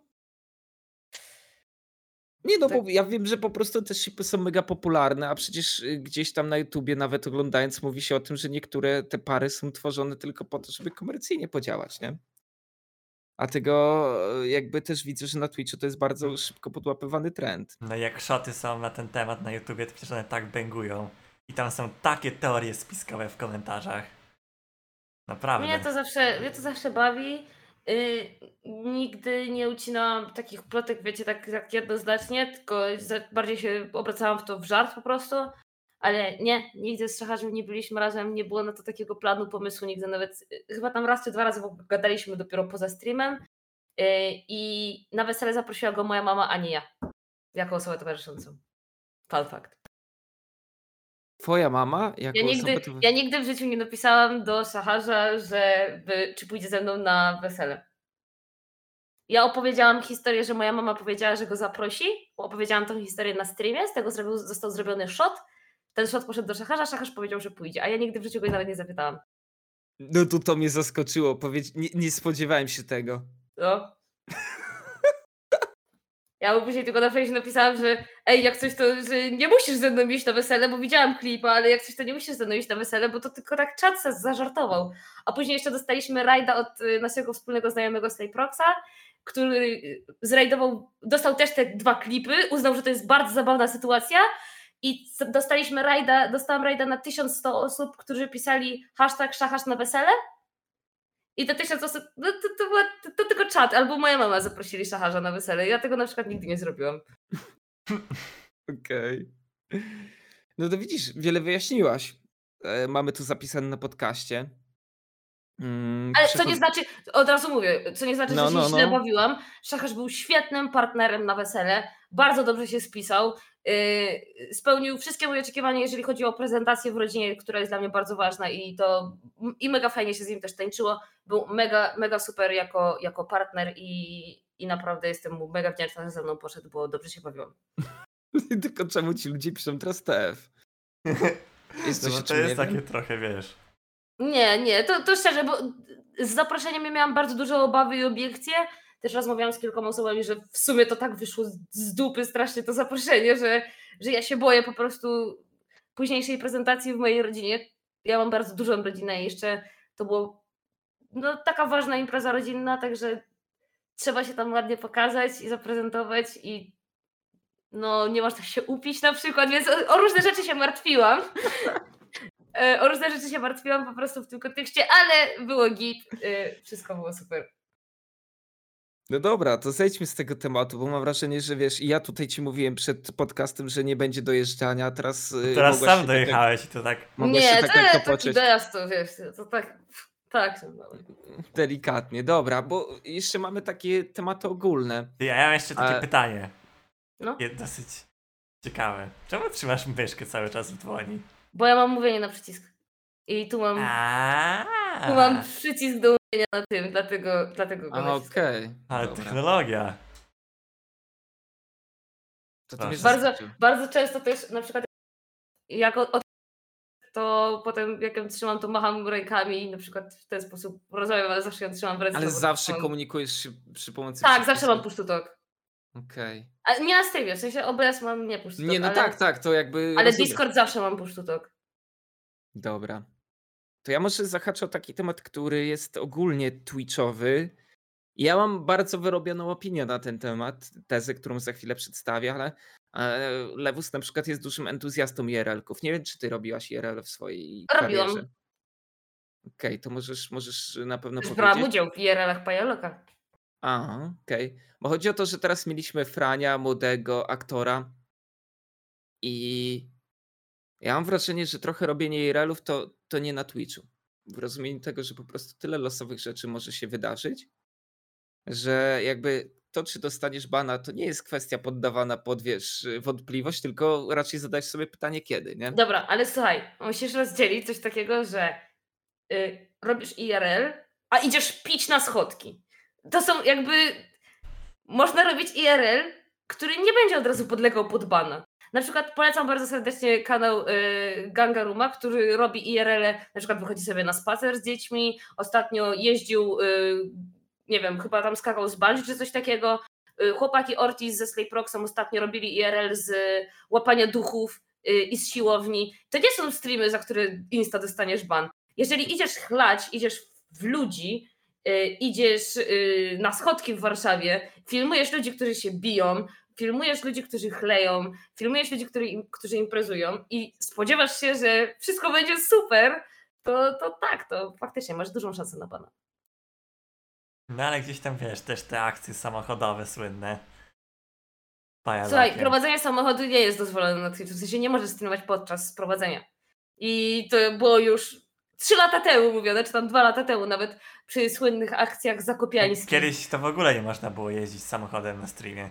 No, y, przy w samych Zakopanem na przykład było zakazane już, że nie możesz prowadzić samochodu jednocześnie streamując. Ludzie starali się to obchodzić, dawali kamerę na drogę albo dawali kamerę na siebie, żeby tam nie było czegoś widać i tak dalej. No po prostu obchodzili te zapisy. Kończyło się jak się kończyło, ludzie kończyli z banem, tyle. Jakby No bo wiesz, nic dziwnego. trochę to moja teza też wynika z tego, że najwięksi IRL-owcy to już nie występują na tej platformie, prawda? Paja wrócił na chwilę, ale on już chyba ma perma, tak? Znowu, czy jak to wygląda? No na ten moment ma perma, musi dać odwołanie, ale on już nie miał partnera po, po powrocie, więc jego apelacja będzie bardzo długo trwała. No, no. I, i Paramaxil, nie? Też, też poleciał. Mm, A, Powodował wypadek samochodowy podczas streamowania. no. No to To nie jest tak, że ten ostatni ban to po prostu w niego wjechali wtedy? No, on chyba wjeżdżał na rondo i po prostu się wpierdolili w siebie nawzajem. To z- nie jest jego winy chyba było. Tego co To- pamiętam. To może to- ewentualnie jakiś wcześniejszy ban on spowodował. Ale on wjeżdżał chyba na rondo, z tego co ja wiem. To skoro był wypadek, kiedy on wjeżdżał na rondo, to znaczy, że chyba nie miał wolnego pasa do wjazdu, tak mi się wydaje. No i tu ciekawe, połowa czatu mówi, że z jego winy, a druga połowa, że nie z jego winy, więc Czy z jego winy, czy z niego, jego winy, tak szczerze, no to bana ma. Nie wiem nawet, czy się od niego odwołuje. Yy, nie wiem, czy on teraz dalej streamuje na YouTubie, czy nie, tak szczerze. Nie śledzę jego kariery. z tego co wiem, to chyba miałam, przestał. miałam, z nim jeszcze, miałam jeszcze z nim beef. Ty miałeś z nim beef? Mhm. A czemu cię zaczepił? Czy ty go zaczepiłaś? Yy, on mnie zaczepiał. Bo to było jeszcze jak on był przyjacielem, przyjacielem Pajeloka, yy, z którym ja na przykład się pojawiłam u niego u na wspólnym gotowaniu, co, co na przykład uważam za świetny kontekst, kontekst, kont, ko- Content. Content. content, dziękuję. Uważam za świetny y, content, na przykład właśnie takie wspólne gotowanie, które robił Paja, czy na przykład y, streamy z gier miejskich, które robił Pajalok. Uważam, że to był najlepszy IRL-owy content, jaki można było robić i bardzo jest mi przykro, że na przykład nikt za tym nie poszedł i nikt tego dalej nie robi. Mi na przykład nie tyle, że szkoda, co nie mam na tyle środków, żeby zainwestować w taki IRL backpack z całym sprzętem, bo to jest jednak droga sprawa, ale taki content był naprawdę ciekawy do oglądania. Było to coś unikatowego i było mega przyjemnego do brania też udziału. Y, I na przykład wtedy ja właśnie się pojawiałam często na streamach u, u Pai, właśnie jeździliśmy na tą grę miejską, czy tam byłam wcześniej u niego na gotowaniu, uczyłam go tańczyć. Mega, mega sympatycznie, było mega fajnie. I czat mnie jego bardzo polubił. A później było tak, że właśnie Paja poznawał coraz więcej osób, zaczęła się meta troszeczkę na slotsy wtedy już, e, więc grali chłopaki więcej tam w hazard, więcej było streamów, bardziej bym powiedziała pato streamów z po prostu chlania do oporu i to tak do odciny centralnie e, i puszczania slotsów wtedy. I to było wszystko, na czym się potem streamki opierały. No ja, że lubiłam Pajoloka, to pisałam później na, mm, na Messengerze czy na czacie, że ej, bo zaczynacie troszeczkę przeginać, bo tam już leciały takie dużo mocniejsze wyzwiska, na przykład w stronę innych partnerów, y, czy w stronę, y, czy w stronę nawet nie partnerów, ale różnych osób. No i jak te wyzwiska tak leciały, to y, no ja pisałam do pani po prostu, że uważaj, bo zaraz wyłapiecie bana, no nie? No i Paramaxi wtedy stwierdził, że ja hamuję dymy, zaczął nastawiać czat przeciwko mnie. Potem ja pisałam do Paramaxia, żeby się uspokoił, żeby się ode mnie odczepił, bo ja nie pisałam nawet do niego, a to, że on, że Paja jakby przez niego dostanie bana, to, to jakby jest, wiesz, wasz problem. Ale Hamowanie dymów. No, ale para... hamowałam, hamowałam dymy, bo pisałam mu po prostu, że ej, uważaj, bo za wyzywanie kogoś możecie dostać bana, za ni- rajdy nienawistne też ktoś dostał bana, na przykład ostatnio, więc uważajcie. No i Paja na przykład mówił, że dzięki, że super, że tam przystopujemy czy coś. No ale koniec końców poszło jeszcze mocniej, jeszcze mocniej, jeszcze mocniej te IRL streamy. No i mam, mogę teraz tylko powiedzieć, a nie mówiłam. A Paromaxim zrobił y, streama, w którym ubrał się w garnitur i przez 5 godzin czytał moje wiadomości ze wszystkich czatów i nasze prywatne rozmowy też wyciągał, które ja tam mu pisałam, że odczep się ode i, ty, mnie. I tylko to było przez 5 godzin? Przez 5 godzin. I on normalnie wtedy był streamerem, który miał około 50 do 100 widzów. Jak napisał drama z Kasix i że będzie analizował tą dramę ze mną, to miał 700 widzów. Wybił się na Kasix, Paramaxi. Na, na tym, że mnie wyzywał. Po czym, a jeszcze najlepsze jest to, że po tych 5-6 godzinach czytania tych wiadomości uznał, że mam rację. Przynajmniej tyle. Ale mnie nie przeprosił. No A jego czat chociaż wnioski wyzywa. wyciągnął, wnioski właściwie wyciągnął. A jego czat mnie dalej wyzywa. I ludzie czasami też przychodzą. Nie no, ale wydaje mi się, że akurat czat Paramaxia to jest taka grupa dosyć toksycznych osób, które każde, każdego będą wyzywać. Nawet jego samego. Znaczy jeszcze jak było, bo już go z nami No nie ale ma. to w takim razie wiecie, no jakby wy we dwójkę jesteście, widzę, że sporymi zwolennikami. Ja nie mówię, że ja nie lubię IRL-ów, tylko IRL-ów na Twitchu. Wiesz, zależy, jakby- zależy też jakie robisz IRL-e. A ja na przykład, Imo, jak tak idziesz do restauracji, coś tam po prostu jesz, to to jest zajebiste. Ja jestem, ja jestem fanką IRL, które są troszeczkę bardziej zaplanowane albo przygotowane. Typu zrobić na przykład, zaprosić paru streamerów i zrobić na przykład wycieczkę rowerową po Warszawie ze streamerami na na przykład z IRL backpackiem. Albo tak jak Ganka zrobił y, imprezę dla streamerów na łódce. I było zarąbiście. Robili sobie, e, robili sobie y, imprezkę na łódce i to streamowali i było, było mega przyjemnie, był fajny IRL streamek. Albo nie wiem, w zimie pojechać na przykład i nie wiem, zrobić kulik ze streamerami, podpiąć wszystkich streamerów pod jakiś, pod jakiś ciągnik i wywozić ich gdzieś tam sankami i zrobić z tego IRL streamka, bitwa na śnieżki czy coś takiego. Uważam, że to jest super content na przykład na IRL streamy. No, Tylko tego Bo ja jeszcze trochę- śnieg musiała No. mieć. A z tym to ciężko w Polsce. Ostatnimi czasy. Nie no, wróci, wróci śnieg. Nie, bo ja trochę mam wrażenie, że czasami to na tych streamkach IRL jest po prostu na tyle duża presja, żeby zrobić jakieś dymy, że po prostu się później odwala coś losowego, nie? No To, to jest właśnie kwestia tak, jak, jakiego masz, jakie masz podejście ty do tego, bo to samo możesz mieć na normalnym streamie, że patrzysz, że ci spada widownia i muszę odwalić coś, muszę coś zrobić więcej, muszę jakieś dymy dowieść, żeby, żeby faktycznie No, ale też nie można być kopalnią bęgierów cały czas i robić dymy co chwilę. Kiedyś się kończą, ciężko też cały czas robić jakieś dymy. I tak większość streamów opiera się na tym, że w sumie są nudy. A przynajmniej jak są cały czas nudy, to już są przyzwyczajeni ludzie do nudów. U mnie Ale są to tak przyzwyczajeni jest. do nudów. Że jak są nudy, no to później będą dymy, nie? No nie ma dymów Nie. bez Ja w ogóle, czy przypadkiem kulik nie jest nielegalny? W sensie nie byłby nielegalny na Twitchu? Czemu kulik miał być nielegalny? No to nie jest stwarzanie niebezpieczeństwa drogowego? A w sensie, że do samochodu przypięcie, tak? No. Ale nie mówiłam o samochodzie. Nie, no nie możesz do samochodu. Do samochodu byłoby nielegalne. Tak mi się wydaje. Nie. Ale do jakiegoś zaprzęgu. Konika. No. A, reniferów zaprzęgu. No wiesz, chodzi o to, że to ogarniesz na jakimś kontrolowanych warunkach, no. Do Czy traktora, kontrolowane, o. czy kontrolowane wysadzenie samochodu na Twitchu byłoby legalne? Chyba nie. Prześwietlona jestem. Wiem, że jestem prześwietlona. Nie wiem, która lampa mnie zawodzi. A Ale uważacie, że tego-. Że hejt na ekipę uzasadniony, czy nie? Mi się wydaje, że to taki hejt typu Nie. trzeba się do czegoś przypierdolić, wiesz. Boxel też jest teraz na momencie, gdzie trzeba aferki robić codziennie, 5 newsów. To musi, musi tam nawalać jakimiś newsikami. A też to takie, no losowo się trochę przywalili, bo nie oszukujmy się. Dużego wpływu to raczej nie będzie miało na środowisko ani na młodzież, no bo raczej nikt ci nie, Freeze nie zachęci kogoś do wysadzenia samochodu. Zazwyczaj, jeżeli ktoś Ja bym może... wysadziła. A przez Freeza wys wysadziła? Nie, jakby mnie stać było. No Nie, właśnie. wydaje mi się, że, że jakby równie dobrze można by było taki kiedyś program był, który bardzo mocno oglądałem na Discovery, Pogromcy Mitów, nie wiem czy kojarzycie.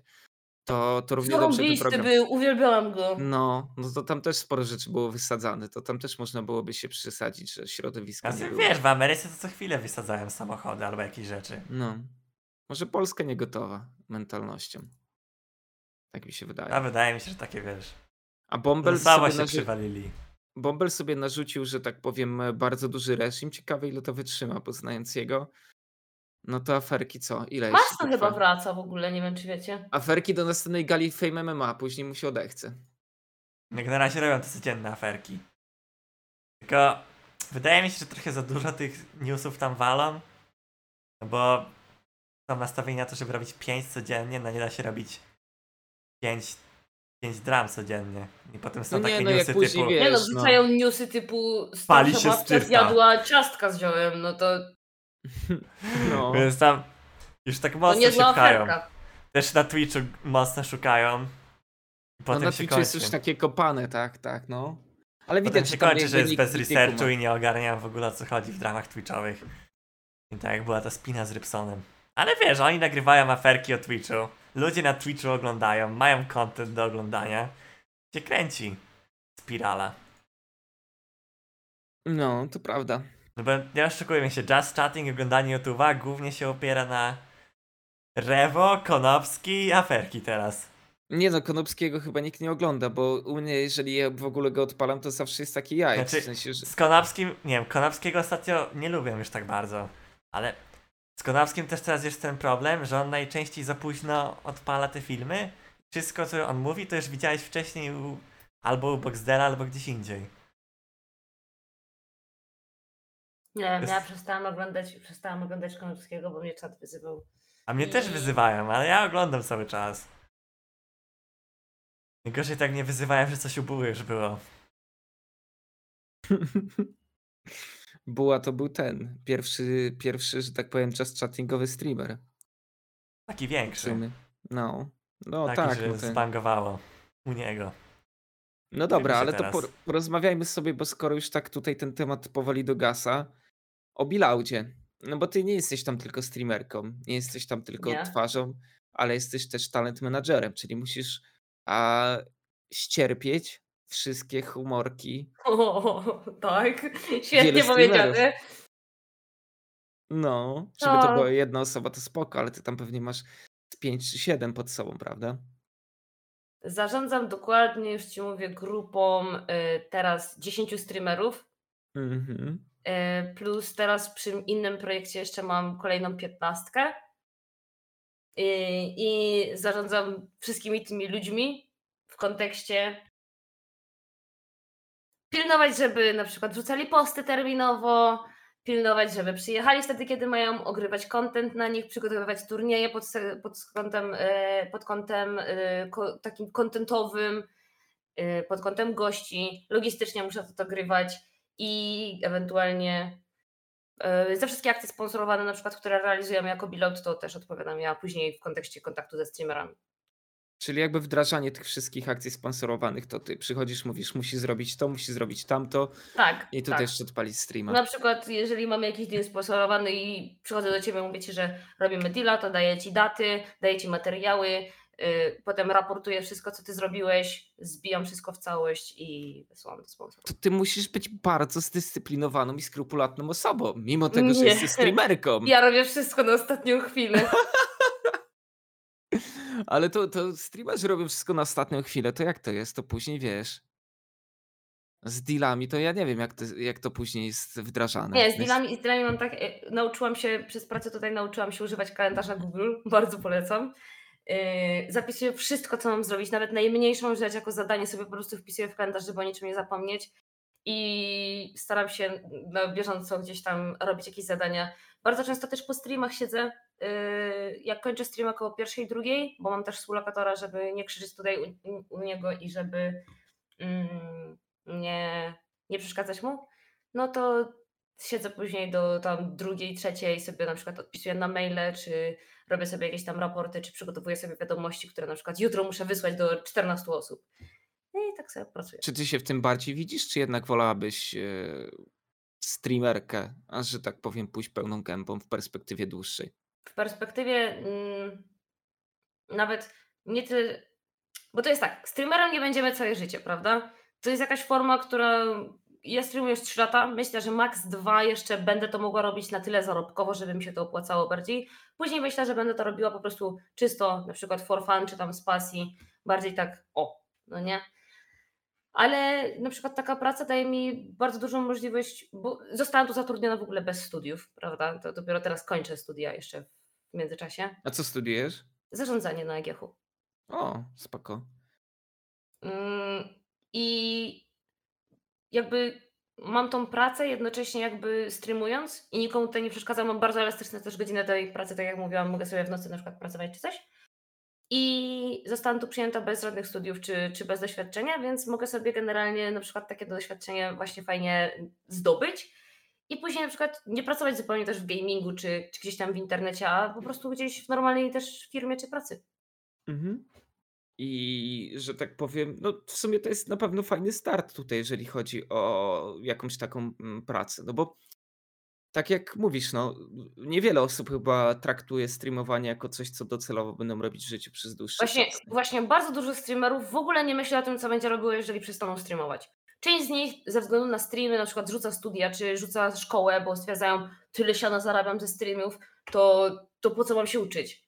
Tylko, że nie widzą tego, że mogą na przykład spaść z rowerka, czy, czy skończyć na nich hype i nagle przestaną tak super zarabiać i zaczną się robić problemy. I wtedy szukanie takiej normalnej pracy będzie dla nich bardzo dużym ciosem zawodowym. No ale też Bo wiesz, zamiast- to jest tak jak, nie wiem, czy z niektórymi sportowcami tak było, czy tak niektórzy streamerzy, no i nie, nie za bardzo mają co innego robić. I tak No- no prawdopodobnie właśnie. gdyby nie streamowali, to albo byli w McDonaldzie, albo w Żabce na kasie, czy coś takiego. profesjonalni gracze, którzy na przykład nie dostają już tak dobrych kontraktów albo, albo nie dostali żadnej na przykład propozycji, mają duży problem generalnie, bo nie wiem, nie chciało im się wcześniej na przykład robić swoich socjali i nie chcieli sobie boostować Instagrama, więc teraz nie mogą liczyć na żadne dobre oferty na Instagramie czy bycia po prostu osobą publiczną. Oni skończyli swoją karierę jako pro player i GG do domu i no, powodzenia w restauracji jako kelner, no nie? Jakby nikt nie będzie na to patrzył, że, że oni kiedyś byli znanymi graczami. Ale wiecie, no można odbić piłeczkę, no ale kurde, w tym, w tym czasie chcieli być dedykowani temu, co, a co było e-sportem, żeby być może osiągnąć ten większy sukces, nie? No, no, No też we tak, sporcie teraz- wiesz, albo idziesz full tryhard i jesteś 24 na 7 i idziesz po to, żeby być jak najlepszym, no i nie wiem. No tak trochę flipujesz, albo wyjdzie, albo nie. No jak Ale wyjdzie, nawet to jeżeli wyjdzie, to to no. nie wyjdzie do końca życia. To zawsze No. trzeba myśleć o tym, co będzie Zależy- szedł dalej. Zależy jak wyjdzie. Jak dobrze wyjdzie. No bo nie oszukujmy się, że jak już tak wyjdzie dobrze, ktoś gra w lesu powiedzmy, nie wiem, przez te 3 lata co najmniej, to zarobi tyle, żeby sobie potem jakoś usytuować życie normalnie. Kto grał 3 lata z Polaków? W sensie chodzi o to, No że nie jak nie wiem, takiego-. Na takiego Wandera, to Wander stabilnie się trzyma. Ja nawet jakby teraz Mhm. skończył, to wydaje mi się, że Tylko, że akurat Wander wydaje mi się, że dużo nie, nie spożytkował tego wizerunkowego potencjału. Właśnie o to chodzi, że na przykład Bosadowski Kikis napisał, tak że samo. Pasza świetnie to ogarnął. Pasza to ogarnął dlatego, że on właśnie kuł te socjale w międzyczasie. Po swojej karierze profesjonalnej został streamerem i ma teraz takie liczby, że żeby wykupić Paszę na swojej reklamie, to kupujesz no twarz polskiego Tak. CS-a, no nie? Ale mówimy już, wiesz, o takich zawodnikach, którzy miałem jakieś, spod... którzy byli jakimiś tam gwiazdami, co nieco. No, a jak spojrzymy na takich, co tylko po prostu grali, nie wiem, chociażby Kacperek, no ale Kacperek to wydaje mi się, że to jest zły przykład, bo, Nie, no bo on cały czas jest na mnie. topie i on będzie się trzymał. Ale Kacperek na że ja widzę- mieszkanie kupił w Bydgoszczy. Ale ja widzę w Bydgoszczy? W Białymstoku. W Białymstoku, no.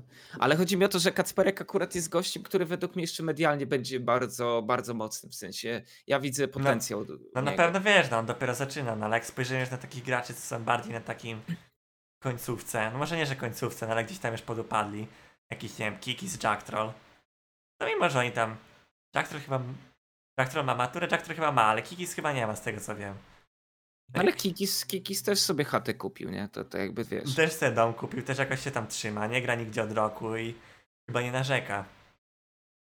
Więc, Ale wiecie, to z musi drugiej coś strony- robić dalej też, nie? no, no Słuchajcie, tak, to nie- tak, no. Nie możemy rozmawiać tylko o tym, czy chłop, wiecie, finansowo sobie zachował x złotych, żeby co, co miesiąc mieć za co się najeść, bo mieszkanie kupione, tylko też trochę rozmawiamy o ambicjach tych ludzi, prawda? No O wiesz, tym, no że- też tam, że Właśnie ja trzeba się realizować po, po jak jakby... już, jak już masz pewien graczem. kapitał, to możesz robić tam różne rzeczy. Ja bardziej właśnie o tym mówiłam, że... inwestowanie i tak dalej. Jack Nawet- to jego dochód pasywny. No nie, no nawet nie o to chodzi, że inwestujesz później pieniądze, które na przykład teraz zarobisz. Tylko jako streamer, no utrzymasz się maks 2-3 lata jeszcze i, i co dalej? Będziesz chciał pracować normalnie, będziesz chciał pracować w gamingu, jakie masz doświadczenie w gamingu, gdzie byś chciał pracować? To, to nie będzie tak, że zarobisz teraz multum pieniędzy, a potem będziesz siedział do góry brzuchem. Ja na przykład teraz zarabiam więcej dużo niż bym potrzebowała, ale co z tego tak jakby? Ja i tak chcę pracować dodatkowo, mimo że moja praca nie jest na tyle opłacalna, żeby na przykład y, nie streamować w tym czasie. Dużo bardziej mi się było opłacało streamować w tym czasie zamiast pracować, ale ja wolę, ja, bym, ja zawsze chciałam być hostem na, na scenie. Y, moją nawet idolką często mówię, że jest Shox, która gdzieś tam na lecu występuje i mega mi się podoba jej praca i na przykład chciałam robić dokładnie to samo. Więc się teraz uczę hostowania, y, gdzieś się tam próbuję i wydaje mi się, i wydaje mi się że, że to jest fajne miejsce do tego, żeby się uczyć różnych rzeczy, plus na przykład sama praca taka, taka normalna mi daje satysfakcję po prostu. I kiedyś jak na przykład tylko studiowałam i streamowałam, to miałam takie okej, nie pójdę nawet na studia, bo mi się nie chciało. Wstawałam tylko na streama i czułam się taka strasznie niespełniona i było tak, czegoś mi po prostu brakowało, żeby robić. Też mi się No wydaje, że chodzi, takie bo- streamowanie full time jest dosyć ciężkie. Ale streamowałam full time. Ja dalej troszeczkę streamuję. Znaczy, Znaczy, wiesz, streamujesz full time. full time, ale jakby to nie jest jedyna rzecz, którą robisz. Teraz nawet nie chodzi. streamuję full time, bo streamuję max 4 godziny dziennie, więc to jest. To, Nie, to to ile nie godzin ci wychodzi tak- w miesiącu? Yy, no, około setki robię tak mniej więcej. No, no to. Póki nie jesteś... Ale wcześniej robiłam po 160, 170, dla mnie to było mało. To było mało dla ciebie? Ja No. się zastanawiam, kiedy streamer mówi, kurde, no już nie mogę, nie? W sensie. XQC Bo- po 300 robi Właśnie, Ryan. właśnie dla mnie XQC jest totalnym jakby, wiesz, ja nie potrafię tego wytłumaczyć. Chłop jedyny co robi w życiu to streamuje. Wstaje rano, streamuje i idzie spać. W sensie nie da się nic innego robić, kiedy masz ponad 300 godzin przestreamowane w miesiącu, nie? Tak. Tak, tak. Też jeżeli masz taki kontent, że wiesz, możesz odpalić grę, grać w grę i to jest git, to spoko, możesz sobie tyle streamować, bo to jakby nie wymaga. No na przykład jak ktoś przegląda YouTube'a, to jest tam jakiś moment, gdzie masz ileś kontentu na dziś, no i potem się kończy. Ale wiesz, taki random Bruce też na przykład tam streamuje po 12 godzin dziennie. I czy on spełnia według was swój sen? nie Wyda sportowy, ale wydaje mi się, że wreszcie wychodzi na legal, taki, że już nie musi żyć od pierwszego do pierwszego. Ja tylko słyszałam, w sensie ja nigdy nie byłam zaznajomiona z twórczością e, Random Bruce'a, tylko gdzieś tam obijało mi się o uszy jakieś memy z nim związane, jakieś, jakieś coś, ale nigdy tego nie rozumiałam. Dobra, więc... to, to mam dla ciebie pytanie. Jak myślisz, ile random Bruce ma przestreamowanego Lola na swoim kanale? Godzin. O, overall czy w tym miesiącu? Overall, w całe, w, przez całą karierę. Boże, nie wiem, z 3000 godzin? 10,5. Co? No. Ma 10,5 10,5 tysiąca godzin. i jeszcze ma chyba półtora tysiąca wrasta. Ja też ostatnio, jak to zauważyłem, to się zastanawiałem, czy ja w ogóle tyle mam ogólnie w Lola przegrane. tak? Zaczął, żeby nie skłamać. Tutaj sprawdzam No, na Twitch trackerze. Tracker od 2.17 followuje, Tak. chyba. I w tym czasie przestreamował ponad 14 tysięcy godzin. Wow. No to jest imponujące. A jaką ma średnią przy tym? Czy, czy można nazwać go hardstackiem? 274 all time. Ale hardstackiem widzowym, czy hardstackiem w LoLu? Hard, hardstackiem nie, chodzi mi bardziej w kontekście streamowania. Czy można powiedzieć, że wyszedł w końcu na legal? No, powoli wychodzi, teraz ma po 1000 widzów. I jeszcze 1000 z głównej rano, jak dobrze zarzuci. Więc jak stream, bo teraz na głównej też dostaje, jak nie? stream nie się odpali, to coś tam młodo w miarę. Wiesz, no to jest problem taki, że Random Bruce ma po 1000 widzów, a ma chyba 70 subów, czy coś takiego. No, nie, no bo szczerze to jest ciekawy temat. To jest chłop, który bezkompromisowo wymyślił sobie, że w życiu będzie streamerem i realizuje Robi to. to, streamu- nieważne, nieważne co by się działo. Tak, czy jak, jak za mało zarabia, to mówi, dobra, to teraz nie zostawiam tą chatę, bo mnie nie stać, idę z kimś yy, mieszkać i będziemy dzielić wynajem na pół, ale dalej lecę full-time streamerka, nie? I po prostu, kurwa, no nie da się go zatrzymać. I ja wiem, że jakby nie mam tutaj zbyt wielu sympatyków tego gościa, ale jednemu trzeba oddać, no full dedykowany chłop temu, no. I miesiąc miesiąc wali po ponad 200 godzin, no. I psycha nie siada. A jeszcze chłop jest tak wyzywany zawsze, nie? On jak był na tej imprezie u, u właśnie ganga, y, gangi na tym statku, to czat, jak tylko on się gdzieś przewinął w kamerze, to czat pisał random Bruce za burtę, wyrzućcie go za burtę i tak dalej. Ja takie, no chłop naprawdę musi mieć psychę ze stali. Chcieli No, tam wyrzucić. No, Random Bruce'a nie lubią za bardzo. No, Ale ma też tam swoją zgadzam. widownię. Jaka jest, to nie wiem, bo nie oglądałem akurat nigdy Random Bruce'a. Więc ciężko mi się wypowiedzieć pod tym względem. Na pewno oglądasz. Ile masz punktów u niego? Powiedz na kanale. Dobra, sprawdzę. No ostatnio mam trochę więcej, bo próbowałem ich wysnajpić. Ha, Mam w tym E- momencie u Random Bruce'a 3000 punktów. no właśnie. No właśnie. Oszukał dla widza. Ja No, ciebie trzy tyś- Lewis mam 2200. 3000 to mało. I suba mam chyba czwarty miesiąc. O. Kasia, bo ja chciałem się ciebie zapytać, bo jednak Bilot też ci umożliwia występowanie przed kamerą. Czujesz, że rzeczywiście w, możesz się też w tym e, aspekcie spełniać, bo mówiłaś, że, że też aspirujesz do roli hosta. Yy, tak, znaczy dostałam już tak jakby, też realizowane było to w sumie przez Bilot, ale kilka zewnętrznych też turniejów, które jakby robiliśmy, których chcieli mnie na przykład na tą rolę hosta, że widzieli moje poprzednie występy, moje turnieje i powiedzieli, że tak, ją chcemy na hosta, to mnie strasznie to na przykład podbudowało, że faktycznie ktoś by chciał mnie w tej roli widzieć na swoim turnieju. I, i byli tam bardzo zadowoleni ze mnie w ogóle, więc, więc tym bardziej jestem, jestem szczęśliwa. Mam nadzieję, że jak się będą już wytworzone z powrotem lany, będą się robić jakieś tam ciekawe rzeczy, to że gdzieś tam jakąś propozycję na, na bycie hostem będę miała okazję mieć. I myślę, że to jest dla mnie też fajny kierunek, bo to jest coś innego niż streamowanie, co też zawsze chciałam robić. A też jest to ta jeszcze, jest je- jeszcze to ta strona kamery, gdzie jestem przed obiektywem, a nie na przykład. No bo ja mam wrażenie, że ty w ogóle tak jakby najchętniej to byś pozostała po tej stronie kamery, ale jednak wiesz, stąpasz twardo po ziemi i wiesz, że to jest ulotne trochę. Trochę tak. Yy, aczkolwiek ja zawsze lubiłam taką pracę też taką. W sensie, to tak jakbyś miał aktorstwo i rachunkowość i chciał robić te dwie rzeczy naraz. Z jednej strony lubisz występy przed kamerą, ale też lubisz na przykład liczyć. I ja właśnie lubię być na przykład menadżerem, bardzo lubię pracę z ludźmi, ale z jednoczes- jednoczesnej drugiej strony chciałabym właśnie być na scenie, występować, streamować, być hostem, gdzieś się tam spełniać publicznie, a z drugiej strony gdzieś tam za kurtyną też jako menadżer, jako, jako gdzieś tam y, pracownik bardziej biurowy do wymyślania kreatywnych kampanii na przykład. Czyli to jednak kreatywność tutaj jest też.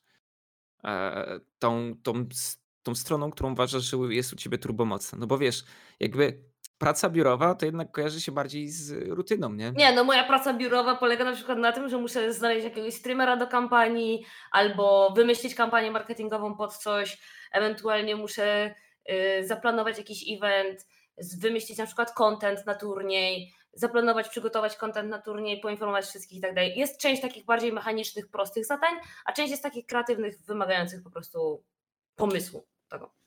Tak kto jest najcięższym influencerem do współpracy i dlaczego Rybson? Bo nie ma sponsoringu z Red Bullem. Nie no, Rybson, Rybson jest naprawdę super i naprawdę bardzo go lubię, aczkolwiek ciężko się z nim pracuje, bo często jest tak, że potrafi mi przez trzy dni nie odpisać, po czym dzwoni do mnie i mówi, że ale miałem robaka na przykład w nie?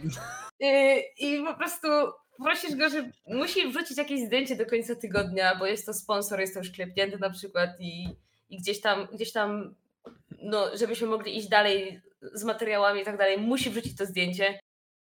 No to po dwóch tygodniach możesz się spodziewać, że wrzuci to zdjęcie, no. Taka, taka jest czasami po prostu praca. Później trzeba się tłumaczyć. Czyli No dobrze tak. trafiłem. Nie jest jedyny to taki, w sensie myślę, że to jest generalnie natura współpracy z influencerami. Jesteśmy okropni do współpracy. Mówię to też z mojego doświadczenia, bo sama wiem, że nie byłam idealna, kiedy przychodzili do mnie ludzie z agencji marketingowych, na przykład prosili, no do jutra potrzebuję tych statystyk. A ja, okej, okej. I nie wysłałam do jutra tych statystyk, oczywiście. Y, I wiem, że sama nie, nie jestem święta pod tym, pod tym względem, no ale bez przesady, okej? nie dwa tygodnie. No No, zależy, no bo wiesz, niektóre rzeczy ciężkie są do zrobienia. Dla większości streamerów jeszcze sportowych zrobienie zdjęcia. Nie, to on To nie jest przygotowane zadanie. zdjęcie. On, on miał przygotowane zdjęcie. A, czyli tylko wystarczy wrzucić. Ej, nie, ale Rybson się wyrobił przecież jako ten, jako model. Super jest modelem. Mam jeszcze, nie było dla niego mam jeszcze z ostatniej sesji, z ostatniej sesji, którą robiliśmy, mamy jeszcze mega dużo fajnych zdjęć, których nie wykorzystaliśmy i mamy tam kilka nawet ładnych z Rybsonem razem, więc będą pewnie jeszcze wrzucane. No i zajebiście. To dlatego O, on, organizuję na przykład takie rzeczy jak sesja zdjęciowa i dwa dni wyjęte z życia. dlaczego Rybson nie lubi tak Warszawy? Za każdym razem pisze na stories, że znowu Nie mam pojęcia. No bo Warszawa jest okropna. Jak tu przyjeżdża, to mówi, że no, że super, że super, a potem widzę na story. No nie, znowu ta Warszawa, Boże święty, znowu muszę tu przyjechać. Gdzie jest fajne w Warszawie, to jedzenie. Y, Jest mi bardzo obojętne, gdzie przybywam. Mój dom jest tam, gdzie mój komputer stacjonarny i tylko to jest jakby dla mnie to ma znaczenie. Smutne, ale prawdziwe. No w sumie trochę, trochę to jest prawda. No na pewno minusem Warszawy jest to, że jest droga, no. Ale jedzenie rzeczywiście. Jedzenie jest oddaje. dobre, a tak poza tym w Warszawie nic nie ma fajnego. Ja cały poprzedni rok jakby siedziałam, była pandemia, siedziałam u moich rodziców w domu, więc tak jakby, no... Lepiej mi teraz I, tutaj, że i się ogarnęli twoje streamowanie? W sensie nie, nie marudzili, że za głośno jesteś? Yy, mama czasami marudziła, ale kończyłam też dosyć wcześnie wtedy. W sensie kończyłam stream około najpóźniej pierwszej, żeby właśnie nie przeszkadzać innym. Czaję. Ale przez to na przykład, y, bo też porozmawiałam z mamą, wytłumaczyłam jej, mamo, jeżeli chcesz, żebym kończyła wcześniej streamy, muszę je zaczynać wcześniej. Czyli nie każ mi robić czwartego prania w dzień, y, tylko zrobię na przykład jedno dziennie i będę mogła sobie wcześniej streamować, przez co ty się wyśpisz i ja się wyśpię, wszyscy będą szczęśliwi. No dobra, e, został nam jeszcze chyba jeden temat, Wojtek. Czy coś jeszcze chciałeś Temat zapytać? jeszcze afery biloadowej. I A, no tak. Ofery Ech. pilotowej. No. Afera No bilotowej fake tak, bo ja pamiętam, że na jakichś shotach mi coś się przewinęło, że ty broniłaś samego konceptu tego, a, a wiem, że były zarzuty wobec tego. Ryan, ty pracujesz w Ultralidze, prawda? To się zgadza. Wpisałeś kiedyś Chatters na waszym kanale? Wpisałem. Ja I też ci pisałem. wyszło? I co ci wyszło? No tak, no. No, to niech pierwszy rzuci kamień ten, kto nie korzysta z dobrodziejstw strony głównej. Dziękuję. Oraz to jest zaorany. Dobrze, że ja nie mam takich problemów, u mnie zawsze jest więcej czatersów niż widzów prawdziwych. Nie no, prawda jest taka, strona główna daje ci 2000 plus do średniej widzów, zawsze, po prostu. Yy, jesteśmy na współpracy z Twitchem, mamy wyłączność streamingową na Twitch, z, z tego względu Twitch chce nas promować u siebie jako współpraca, którą po prostu podejmujemy.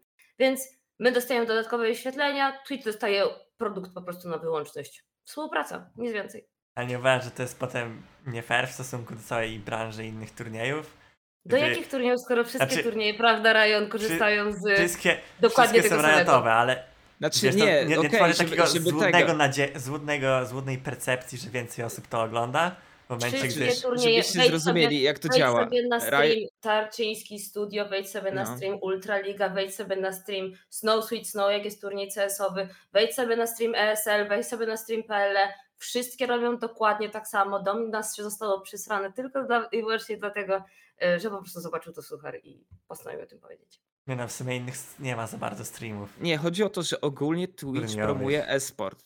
Jakikolwiek by nie był. W sensie oni to wrzucają po prostu na główną. No i tak to wygląda. A wtedy była afera i były argumenty w związku z tym, no bo tak jak mówisz, no Suchar podniósł to wszystko. No, taka prawda. A y, szczerze powiedziawszy, no po prostu wszystkie turnieje, wszystkie, że tak powiem, firmowe konta, komercyjne konta, tak, y, mają dokładnie takie same zasady, jeżeli chodzi o stronę główną. A normalnie streamerzy też mogą się ubierać, ubiegać o stronę główną. Ja sama poprosiłam o promocję na stronie głównej, jak zaczynałam streamować, byłam po pierwszym roku streamów i w okresie y, stycznia i lutego chyba, albo grudnia i lutego, y, grudnia, stycznia chyba. Poprosiłam o promocję, bo powiedziałam, że jestem nową streamerką, nie jestem w stanie się przebić do nowej publiczności i chciałabym się pokazać na stronie głównej. Y, Wtedy ówczesny staw Twitcha powiedział mi, jasne, nie ma problemu, na miesiąc masz priorytet wtedy na stronę główną.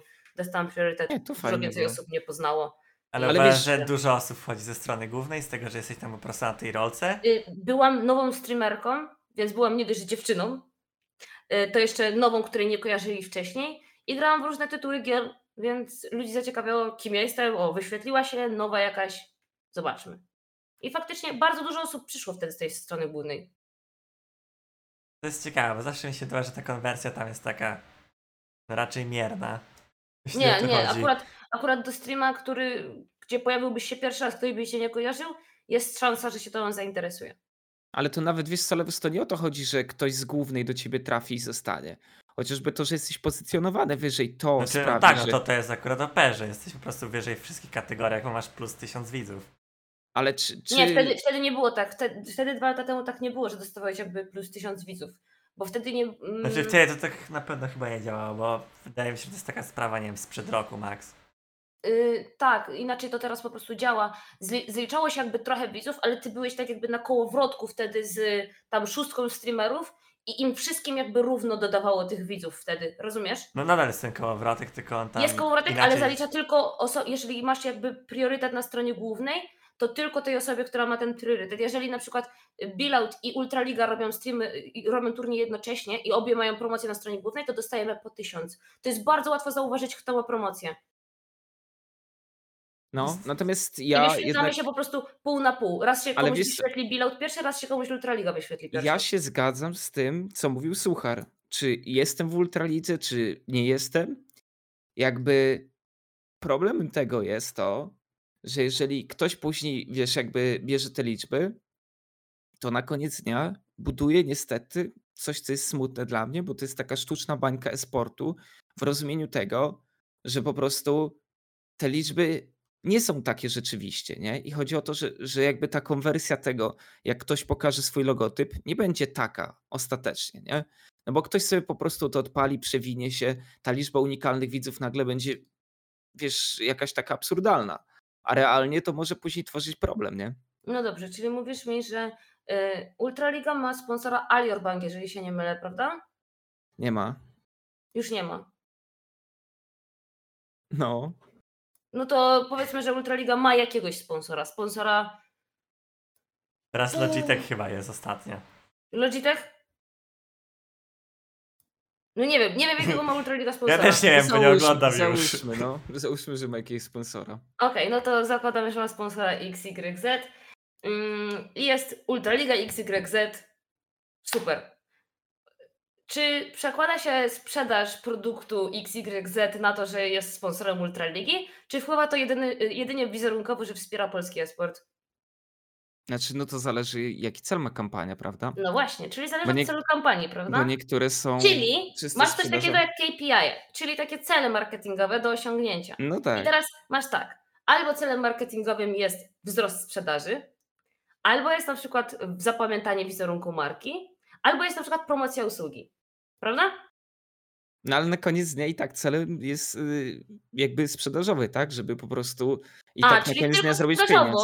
ludzie to robią. Nie, Czyli nie. mówisz mi, mówisz mi że y, Nie, chodzi mi o Red to- Bulla tylko nie, dlatego, że on poczekaj. jest sponsorem y, Leca i jest, jest napisane wtedy Red Bull, Red Bull Baron Play i ludzie kupują dlatego Red Bulle. Nie, chodzi mi o to, że Czyli jeżeli ten. nie kojarzą po prostu pozytywnie marki Red Bull, że wspiera polski esport i kiedy idą na Tak, kupę, to tak, mogą sobie wybrać się, jaki są produkt. Ale na koniec dnia, jak będą w żabce i zobaczą sobie Red Bulla obok Monsterka, to wezmą Red Bulla, bo im się pozytywnie kojarzy, prawda? O, czyli, no właśnie. czyli ostatecznie wpływa to na sprzedaż. Tak. Czyli jak masz do wyboru dwa produkty i któryś ci się kojarzy lepiej, to wybierzesz jednak ten produkt, ale nie jesteś w stanie zmierzyć tego i połączyć tego.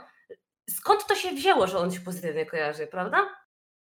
No bo nie masz przy kupnie ankiety. Ej, gdzie ostatnio usłyszałeś o, Nie, o, no są, o są, ankiety, Red Bull? są ankiety prowadzone przez Tak? marki. No, Kiedy ostatnio brałeś udział w ankiecie? w poprzednim roku. No i czego dotyczyła ankieta? No tego, jakie marki przewijają się przez esport. Jakie kojarzą O, też brałem udział w tym. Mhm. Czy to była ankieta na sportowych świrach, która się po prostu przewinęła gdzieś tam? Znaczy nie wiem do czego pijesz, no są takie ankiety tworzone. No. No, no dobra, ale to nie są ankiety, gdzie Red Bull przychodzi z ankietą do ludzi, którzy kupują Red Bulle i pytają się, ej, skąd się dowiedziałeś o Red Bullu?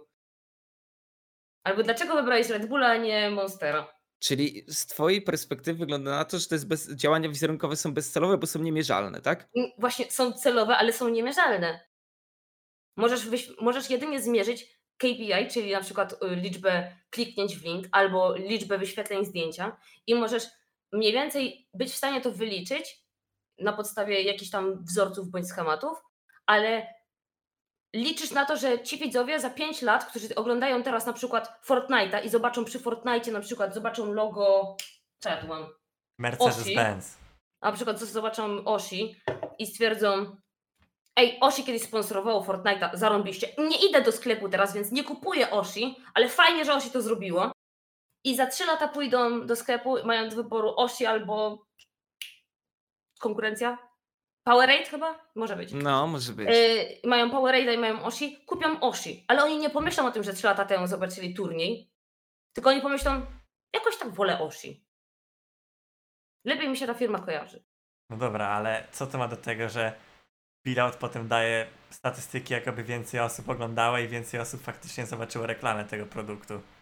No, dlaczego robi tak Ultraliga? To jest, to jest jakby wszystko to samo. To jest za każdym A razem dlaczego masz tak tak, Ultraliga, no? Ale to ja nie bronię to, ale w sensie czemu Ale- tutaj wrzucacie mnie w obóz, który ma bronić Ultraligi? Ja nie poczuwam się do Broń tego. Boże, ja po prostu mówię po prostu o konkurencji, która robi dokładnie to samo, a jest to jakby tylko atakowany bilot, co mnie strasznie zastanawia i dziwi, ale już to jakby przeżyłam, prze, przełknęłam to i tak dalej. E, Stwierdziłam, że okej, chcecie, ja jestem w stanie się wybronić. Jest tak, Ale, ale ja też nie. Chodzi mi o to, że ja też nie bezpośrednio yy, starałem się skrytykować Bilał, tylko całą tą machinę związaną z no dlatego, główną. dlatego ci mówię, jak działa ta machina, żebyś stwierdził, czy dalej chcesz ją krytykować, czy nie. Bo działa No to w ten sposób, że tworzysz e, tak jakby kampanię reklamową i tworzysz tak jakby lokowanie danego produktu czy loga, nie tylko w oparciu o stream, który jest tam jakby, podbijasz sobie tą statystykę jakkolwiek tymi unikalnymi wyświetleniami, ale w porównaniu do postów, które wam się mogą wydać śmieszne, mi też się wydają, ja generalnie nienawidzę tych postów, yy, które są postami z reakcjami, ale zawierają belkę sponsorską na przykład i posty na przykład zawierające lokowania jakichś sponsorów na innych. Instagram yy, i Twitter generują bardzo duże zasięgi też w naszej firmie, plus lokowania u streamerów na przykład, które też czasami robimy. Masz, masz całą tą bazę wyświetlenia, która jest bardzo duża w porównaniu do ogólnie jakby streama. I to nie jest jakby jedno źródło, tylko masz tą dywersyfikację tego źródła. Strona główna teraz ostatnio nawet w ogóle nie dostawaliśmy, a i tak zrealizowaliśmy wszystkie KPI, które tam mieliśmy. A to jest po prostu też forma jakiejś promocji całego eventu. Jest to forma na przykład, yy, no nie wiem, tak czy tak ten sponsor się wyświetla. Ale wiesz, chodzi o to, że Czym- możemy na koniec dnia mówić o skutecznej kampanii, która docelowo trafia do tych ludzi, a możemy mówić o nabijaniu KPI-ów, jak, nie wiem, w przypadku Orbita tak jest, prawda? Widzisz tego Orbita wszędzie, ci gracze nakładają sztuczny uśmiech na usta i pokazują Orbit i niekoniecznie to do mnie trafia i mam ochotę rzuć gumę, nie? A jaką gumę ostatnio kupiłeś? Czy to jakby to nie Bo zmienia jakbyś faktu- powiedział, że Orbit, to bym wiesz, umarła w tym momencie, nie? No ale jakby nie ma konkurencji za bardzo w tej kwestii. Natomiast to, No jest tam Winterfresh czy jakieś inne. no to też jest Orbit. W sensie to jest ta sama firma.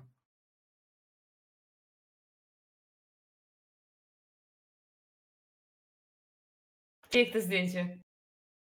Jeszcze odpowiedzi wyłączone. To jest dopiero pik. No. Żeby odpowiadać się można było. A kto to jest? No ja. Zamulek. Gracz Illuminar Gaming. Aha.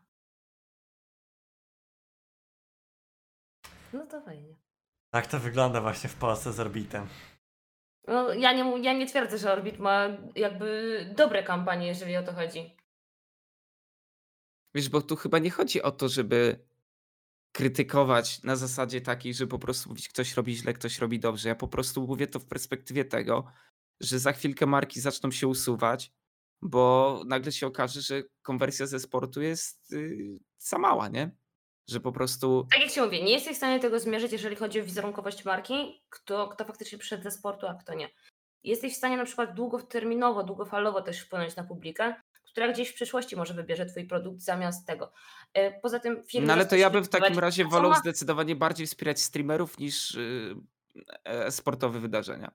Bo dla mnie to jest, wiesz, dużo bardziej jakby wymierna rzecz. No to Rozumiesz? tym bardziej, tym lepiej. Przecież yy, konwertujemy sponsorów z, z turnieju. Nie, bo chodzi mi o to, że ja nie chcę, żeby esport umarł, rozumiesz? A sponsorzy to pieniądze. No, E, Pokazuje, że to może doprowadzić do tego, że bańka, która jest wokół esportu, nagle pęknie. Ja wiem, że konkretny no ale to influencer tak to przyniesie mi chcesz, te liczby i tą widownię. To tak to czym chcesz przyciągnąć sponsora do e-sportu, jak nie wynikami? No ale to musisz robić, wiesz, realne wyniki. No to Żeby one daj realne wyniki i przyciągnij sponsora. To, znaczy, to, to ja w ogóle twierdzę, że to są realne wyniki po prostu. To że, to, że jest ktoś na stronie głównej, nie twierdzę, że to nie jest realny wynik.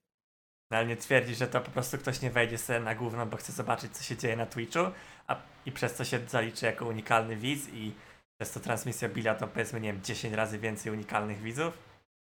No, ale popatrz sobie na przykład na statystyki.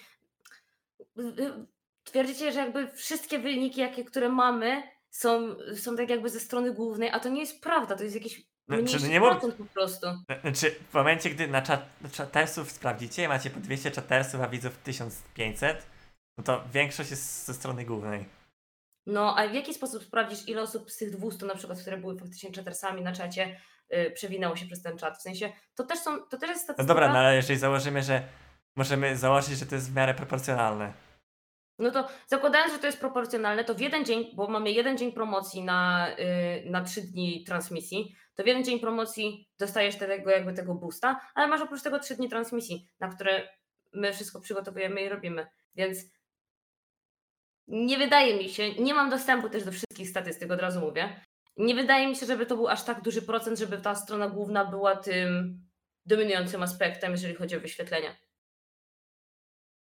Zwłaszcza, że przez główną się strasznie dużo osób przebija. To ktoś wejdzie, zaliczy się jako osoba, unikalny widz, kliknie na jakiś stream i już go tam nie ma, ale jest jako unikalny widz zaliczony. Wydaje mi się, że w momencie, gdy tak to działa, no to macie tak, nie wiem, 70% co najmniej unikalnych widzów, którzy po prostu przewinęli się przez stream, nie przez to, że na niego kliknęli, chcieli zobaczyć, co na nim jest, tylko że się gdzieś tam wyświetlił im jako No. embedded player. No dobra, zakładając, że. Znaczy i też nie wiemy, jak to, nie wiemy, jak to Twitch liczy, czy po prostu każdorazowe wejście na przykład na stronę główną, czy na przykład pozostanie na stronie głównej, bo nie wiem, na przykład Instagram chyba albo Facebook mają coś takiego, że musisz oglądać filmik przez 3 sekundy, żeby. Yy, musisz oglądać filmik przez 3 sekundy, żeby się zaliczyć jako wyświetlenie, prawda? Na przykład tak jest na Instagramie i tak jest na Facebooku, jeżeli No i na, na Spotify tak jest, że tam musisz I, I chyba na Spotify. parę sekund przesłuchać, żeby było. Więc, więc gdzieś tam, gdzieś tam na przykład jest taka statystyka.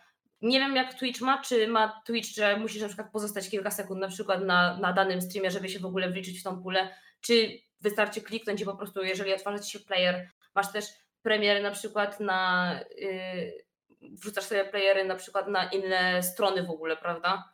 Gdzie możesz mieć zupełnie też inne wyświetlenia. Więc no, szczerze nie wiem. Ja uważam, że nie jest to nic złego, jeżeli korzysta się ze strony głównej. Tym bardziej, że wszystkie jakby firmy też korzystają ze strony głównej. Yy, I Znaczy wiadomo, Też jeżeli faktycznie jest taka sponsora- możliwość, w stosunku do sponsora nie wydaje czemu mi jej się, nie żeby używać, to było... ale No to też jest takie, wiesz, a jeżeli nikt nie patrzy, to czemu mam nie ukraść? Ale chodzi mi o to, że w stosunku do sponsora nie wydaje mi się, żeby to było jakby złe, jeżeli chodzi o wyświetlanie ze strony głównej, bo moim zdaniem wyświetlasz się i jakby spełniasz założenie sponsora, że masz się wyświetlić danej liczby osób. Lewus był. aż umarłem. Kamerę mi wywaliło. Nie już było, było ten, co? No ale Wracaj do nas. Czekaj, nie wiem, który muszę wrócić. Dobra, weź Ryan coś zamów, ja muszę tutaj... Co, a co powiesz Ryan, na to, że nagroda w Billout Aram y, Aram 1500 za 7 dni grania, nagroda w Ultralize 2000 za 3 miesiące grania. 2000? A za co jest 2000? Za granie. Ja nie wiem za co. Ale to jest pensja, czy to jest nagroda? No nie wiem, no co ci mam powiedzieć? Czemu, czemu nagle ja jestem tutaj wielkim obrońcą Ultraligi? Bo tam pracujesz. A czemu ja jestem obrońcą Bilot? No, bo ty się do Bo tego tam poczuwasz. pracuję! Nie, ale poczuwasz się do tego. Ja jakby, wiesz, chodzi o to, że ja nie mogę w 100% odpowiadać za wszystkie ruchy firmy, w której pracuję, prawda? Ale jednak jesteś tam osobą, w sensie jakby świecisz swoim wizerunkiem w, tą, w tej firmie, prawda? Zgadza Pokazujesz się, tam. ale to jakby to też niekoniecznie... No ale z drugiej strony, wiesz, ja nie muszę się podpisywać i zgadzać ze wszystkimi ruchami, które tam są podejmowane, prawda? No nie wiem, w sensie wydaje mi się, że jakby podejście, że z marszu ja muszę reprezentować te same poglądy, te same, jakby wiesz, popierać wszystkie ruchy biznesowe firmy, w której jestem. Wiesz, tu już jakby abstrahując od tego, czy to robię, czy nie, nie jest poprawną rzeczą. No to nie wiem, ja bym na przykład nie potrafiła pracować w firmie, z której założeniami bym się nie zgadzała. No ale wiesz, czasami skala jest zbyt duża, nie? Bo chodzi o to, że ja mogę się z wieloma rzeczami, które robimy, y, zgadzać, ale też nie ze wszystkimi. No to, to zależy, jaką sobie skalę wyjdziesz. Nie no, chodzi mi o to po prostu, że ja uważam, że ten problem głównej będzie występował w przyszłości, odbije się jakąś czkawką.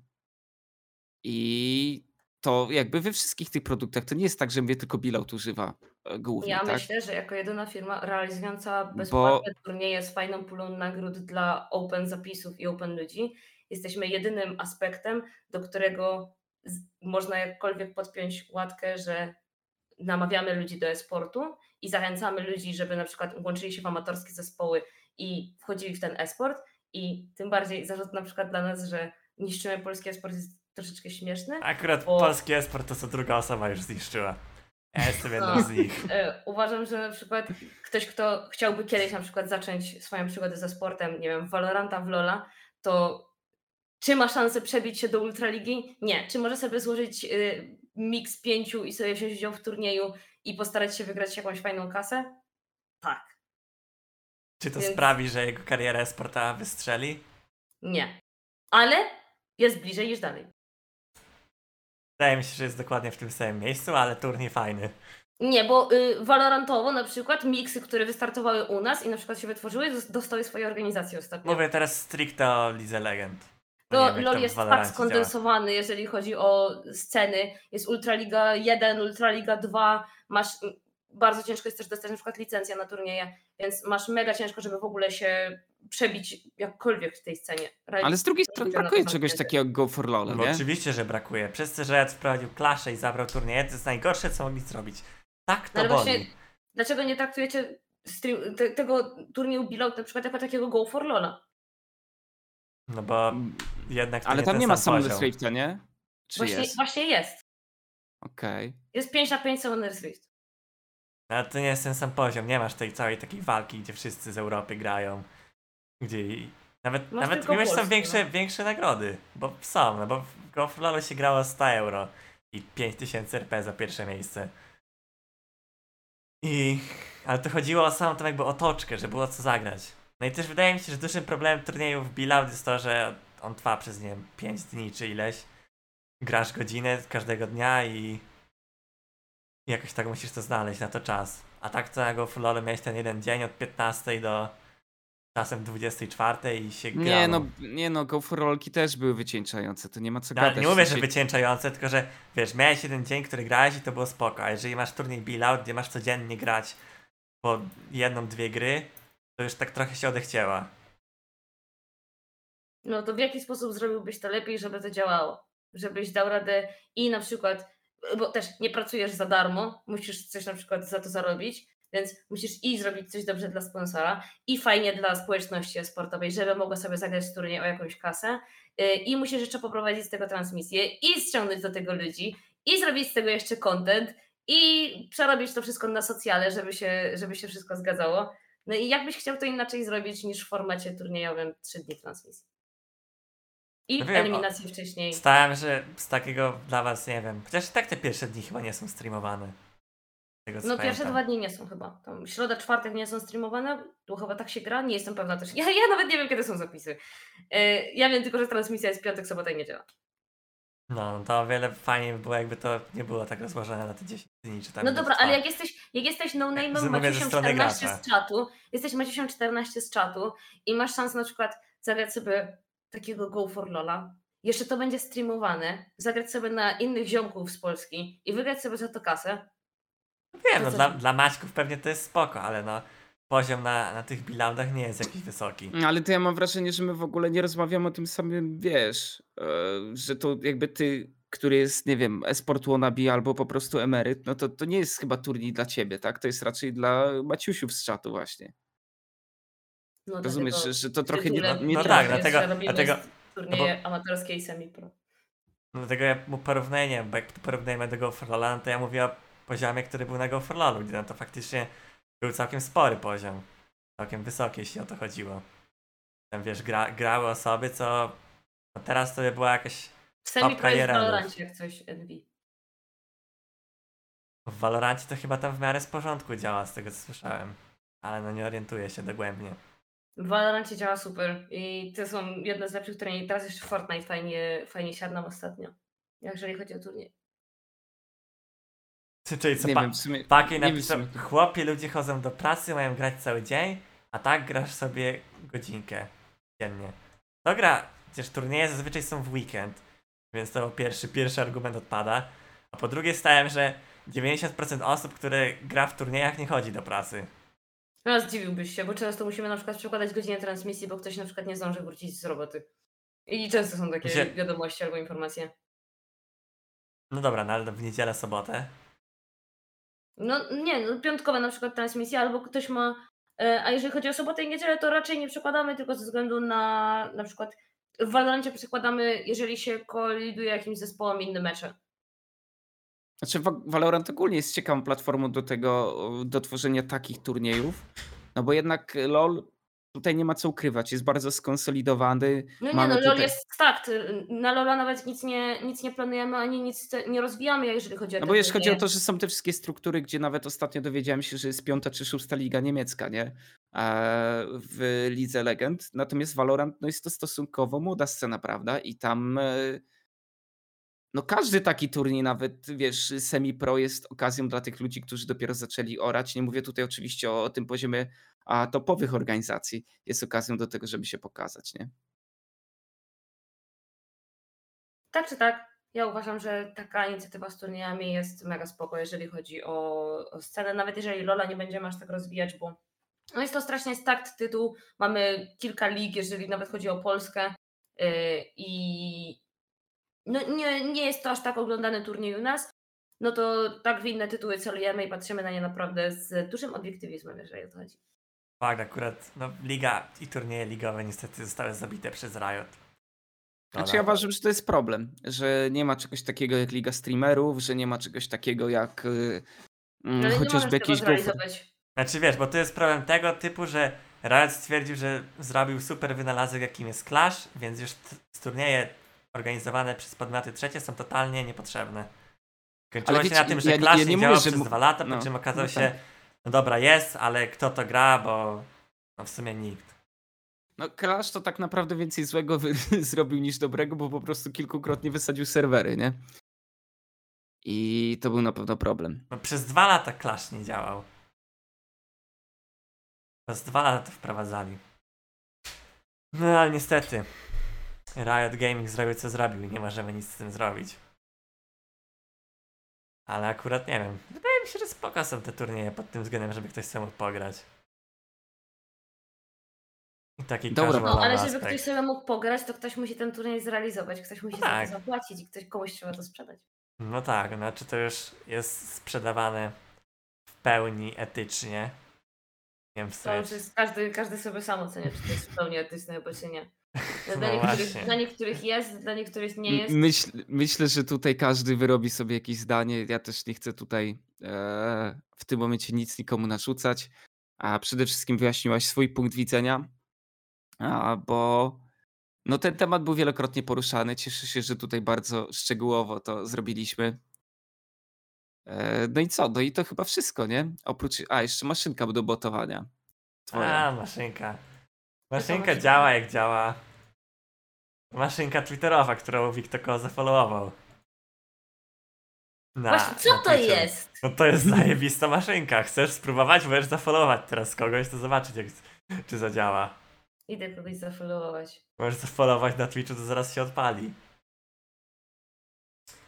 Więc działa w porządku. Ale już, ale, ale już się naprawił?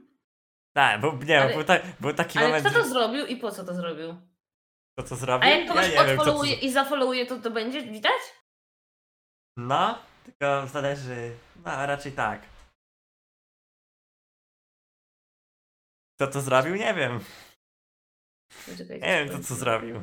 No nie bądź taki skromny. Ta maszynka, nie wiem jakim cudem ona. Ona jest zbudowana. Jak jest zbudowana? Działa trochę słabo, nie powiem. E, Co znowu się zostać- wykrzaczyła, skoro Kasik zdała komuś follow, a nie pokazało się. Teraz Mm. dopiero dałam followa. Nie, nie, to, to wiesz, Dam to, unfollowa i dam followa. to ma taki lekki delay. O, o proszę, komu dałaś followa?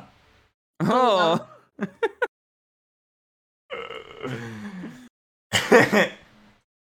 Działa. Dobra, czyli to działa też na unfollow. Znaczy, jeszcze, jeszcze wiesz, w early developmencie jest. Dojdziemy do momentu, gdzie jak komuś dasz unfollow, to też o tym napiszę. Ja No. uważam, że ogólnie to będzie ciekawszy profil, gdzie jakby zrobisz osobny, w którym będą tylko unfollowy, bo to będzie dużo ciekawsze. No, Mam unfollow, wrażenie. unfollow będą dużo ciekawsze. Znaczy wiesz, w tym momencie to działa tak, że Ale połowa z tych rzeczy, które tam były, wykorzystywać pod baita. no, no tak, no w tym momencie połowa tych rzeczy to były jakieś bajty, typu, że nie wiem, Marion Amurat, Saszy Grey zafollowował i głównie no, takie no, tam. no, coś takiego, no. Nerwarian Random Bruce'a. Denor Sprawdzę, czy jest na celowniku. No. Więc tak to działa, ale ciekawe to zbęgowało. Bo ja to postawiłem, żeby sprawdzić, czy to działa. Okazało się, że działa, no stwierdziłem, że zostawię. Żeby z dzień postało i zobaczyć, jak to działa, a to w jeden dzień zrobiło chyba z 3000 followów. Prawie. Więc że- cały nasz podcast, nie? W tyle, w ile to jest? Ponad tego. Nie wiem, Twitter ma chyba roku. 8 miesięcy. No. No więc widzisz. I też Dziękuję za suba. O, dzięki Kasik za suba. Mówiłam, że miałam czwarty miesiąc. I te-. I też, też Suchar gdzieś się ten. Suchar gdzieś się oburzył, że jego rzetelne statystyki nie robią takiego ruchu. A jak to, że Suchar zachwalował Saszę Grey i bot o tym napisał. Tyle A, bo lajków. to jeszcze, weszło do sportówki weszło, nie? jeszcze Eweszło o tym napisało. Bub.pl zaraz pewnie też napisze. O, ulubiony portal. Ale Byłaś chodzi- tam? Miałaś okazję trafić na bub.pl? Ja nie widziałam, ale widzowie pisali, że chyba gdzieś tam byłam. No, gdzieś tam chyba większość streamerów była. No ale Ech. co by nie mówić, takie portale też są potrzebne. Ludzie po prostu lubią bardzo łatwą rozrywkę z, dużym, z dużymi clickbaitami. Tak Ja, ale Bub.pl wydaje mi się, że zrobił postęp, jeśli chodzi o ostatni, nie wiem, rok. Pod względem tego, co tam wrzucają i co piszą. Czyli co bardziej weryfikują, to co robią? No jest takie bardziej zweryfikowane, mniej farmazonów tam jest. Clickbaity, wiesz, nadal są jakie są, ale no. Tylko To aferki nie zrobić. oddają. Afer Na aferkach. aferki to Hmm? Boxdel robi. No tak. O. No. Dobra, ale to chyba tyle, jeśli chodzi o dzisiejszy podcast. Dwie godziny prawie zrobiliśmy. No wydaje mi się, że nawet ponad. Nie no, Bo zaczęliśmy dość wcześnie. byliśmy właśnie później, po 20 z opóźnieniem. Więc A. prawie... Nie przeze ja się nie spóźniłam. Nie, to wiadomo, ale no ostatnio już tak się przyjęło, że się spóźniamy. Ale wiesz, prawie każdy może przyjść, nic nie ominie. No dobra, dzięki Kasia, że wpadłaś. Dzięki Wyjaśniłaś również, bardzo było miło. tematów. Ryan, mam nadzieję, że nie będziesz do mnie zły, że tak troszeczkę było panczowane w twoją stronę. Nie, w żadnym wypadku. No super, yy, bardzo się cieszę. Bardzo mi się podobał podcast. Dziękuję bardzo serdecznie za zaproszenie. Pozdrawiam czat. Siema, super jesteście. Buziaki dla was, trzymajcie się. Skończmy machaniem na czacie. Machanie, pepo Machanie. hej. Bo to taka tutaj specjalność. Więc cześć widzowie, cześć YouTube. Cześć, miło było.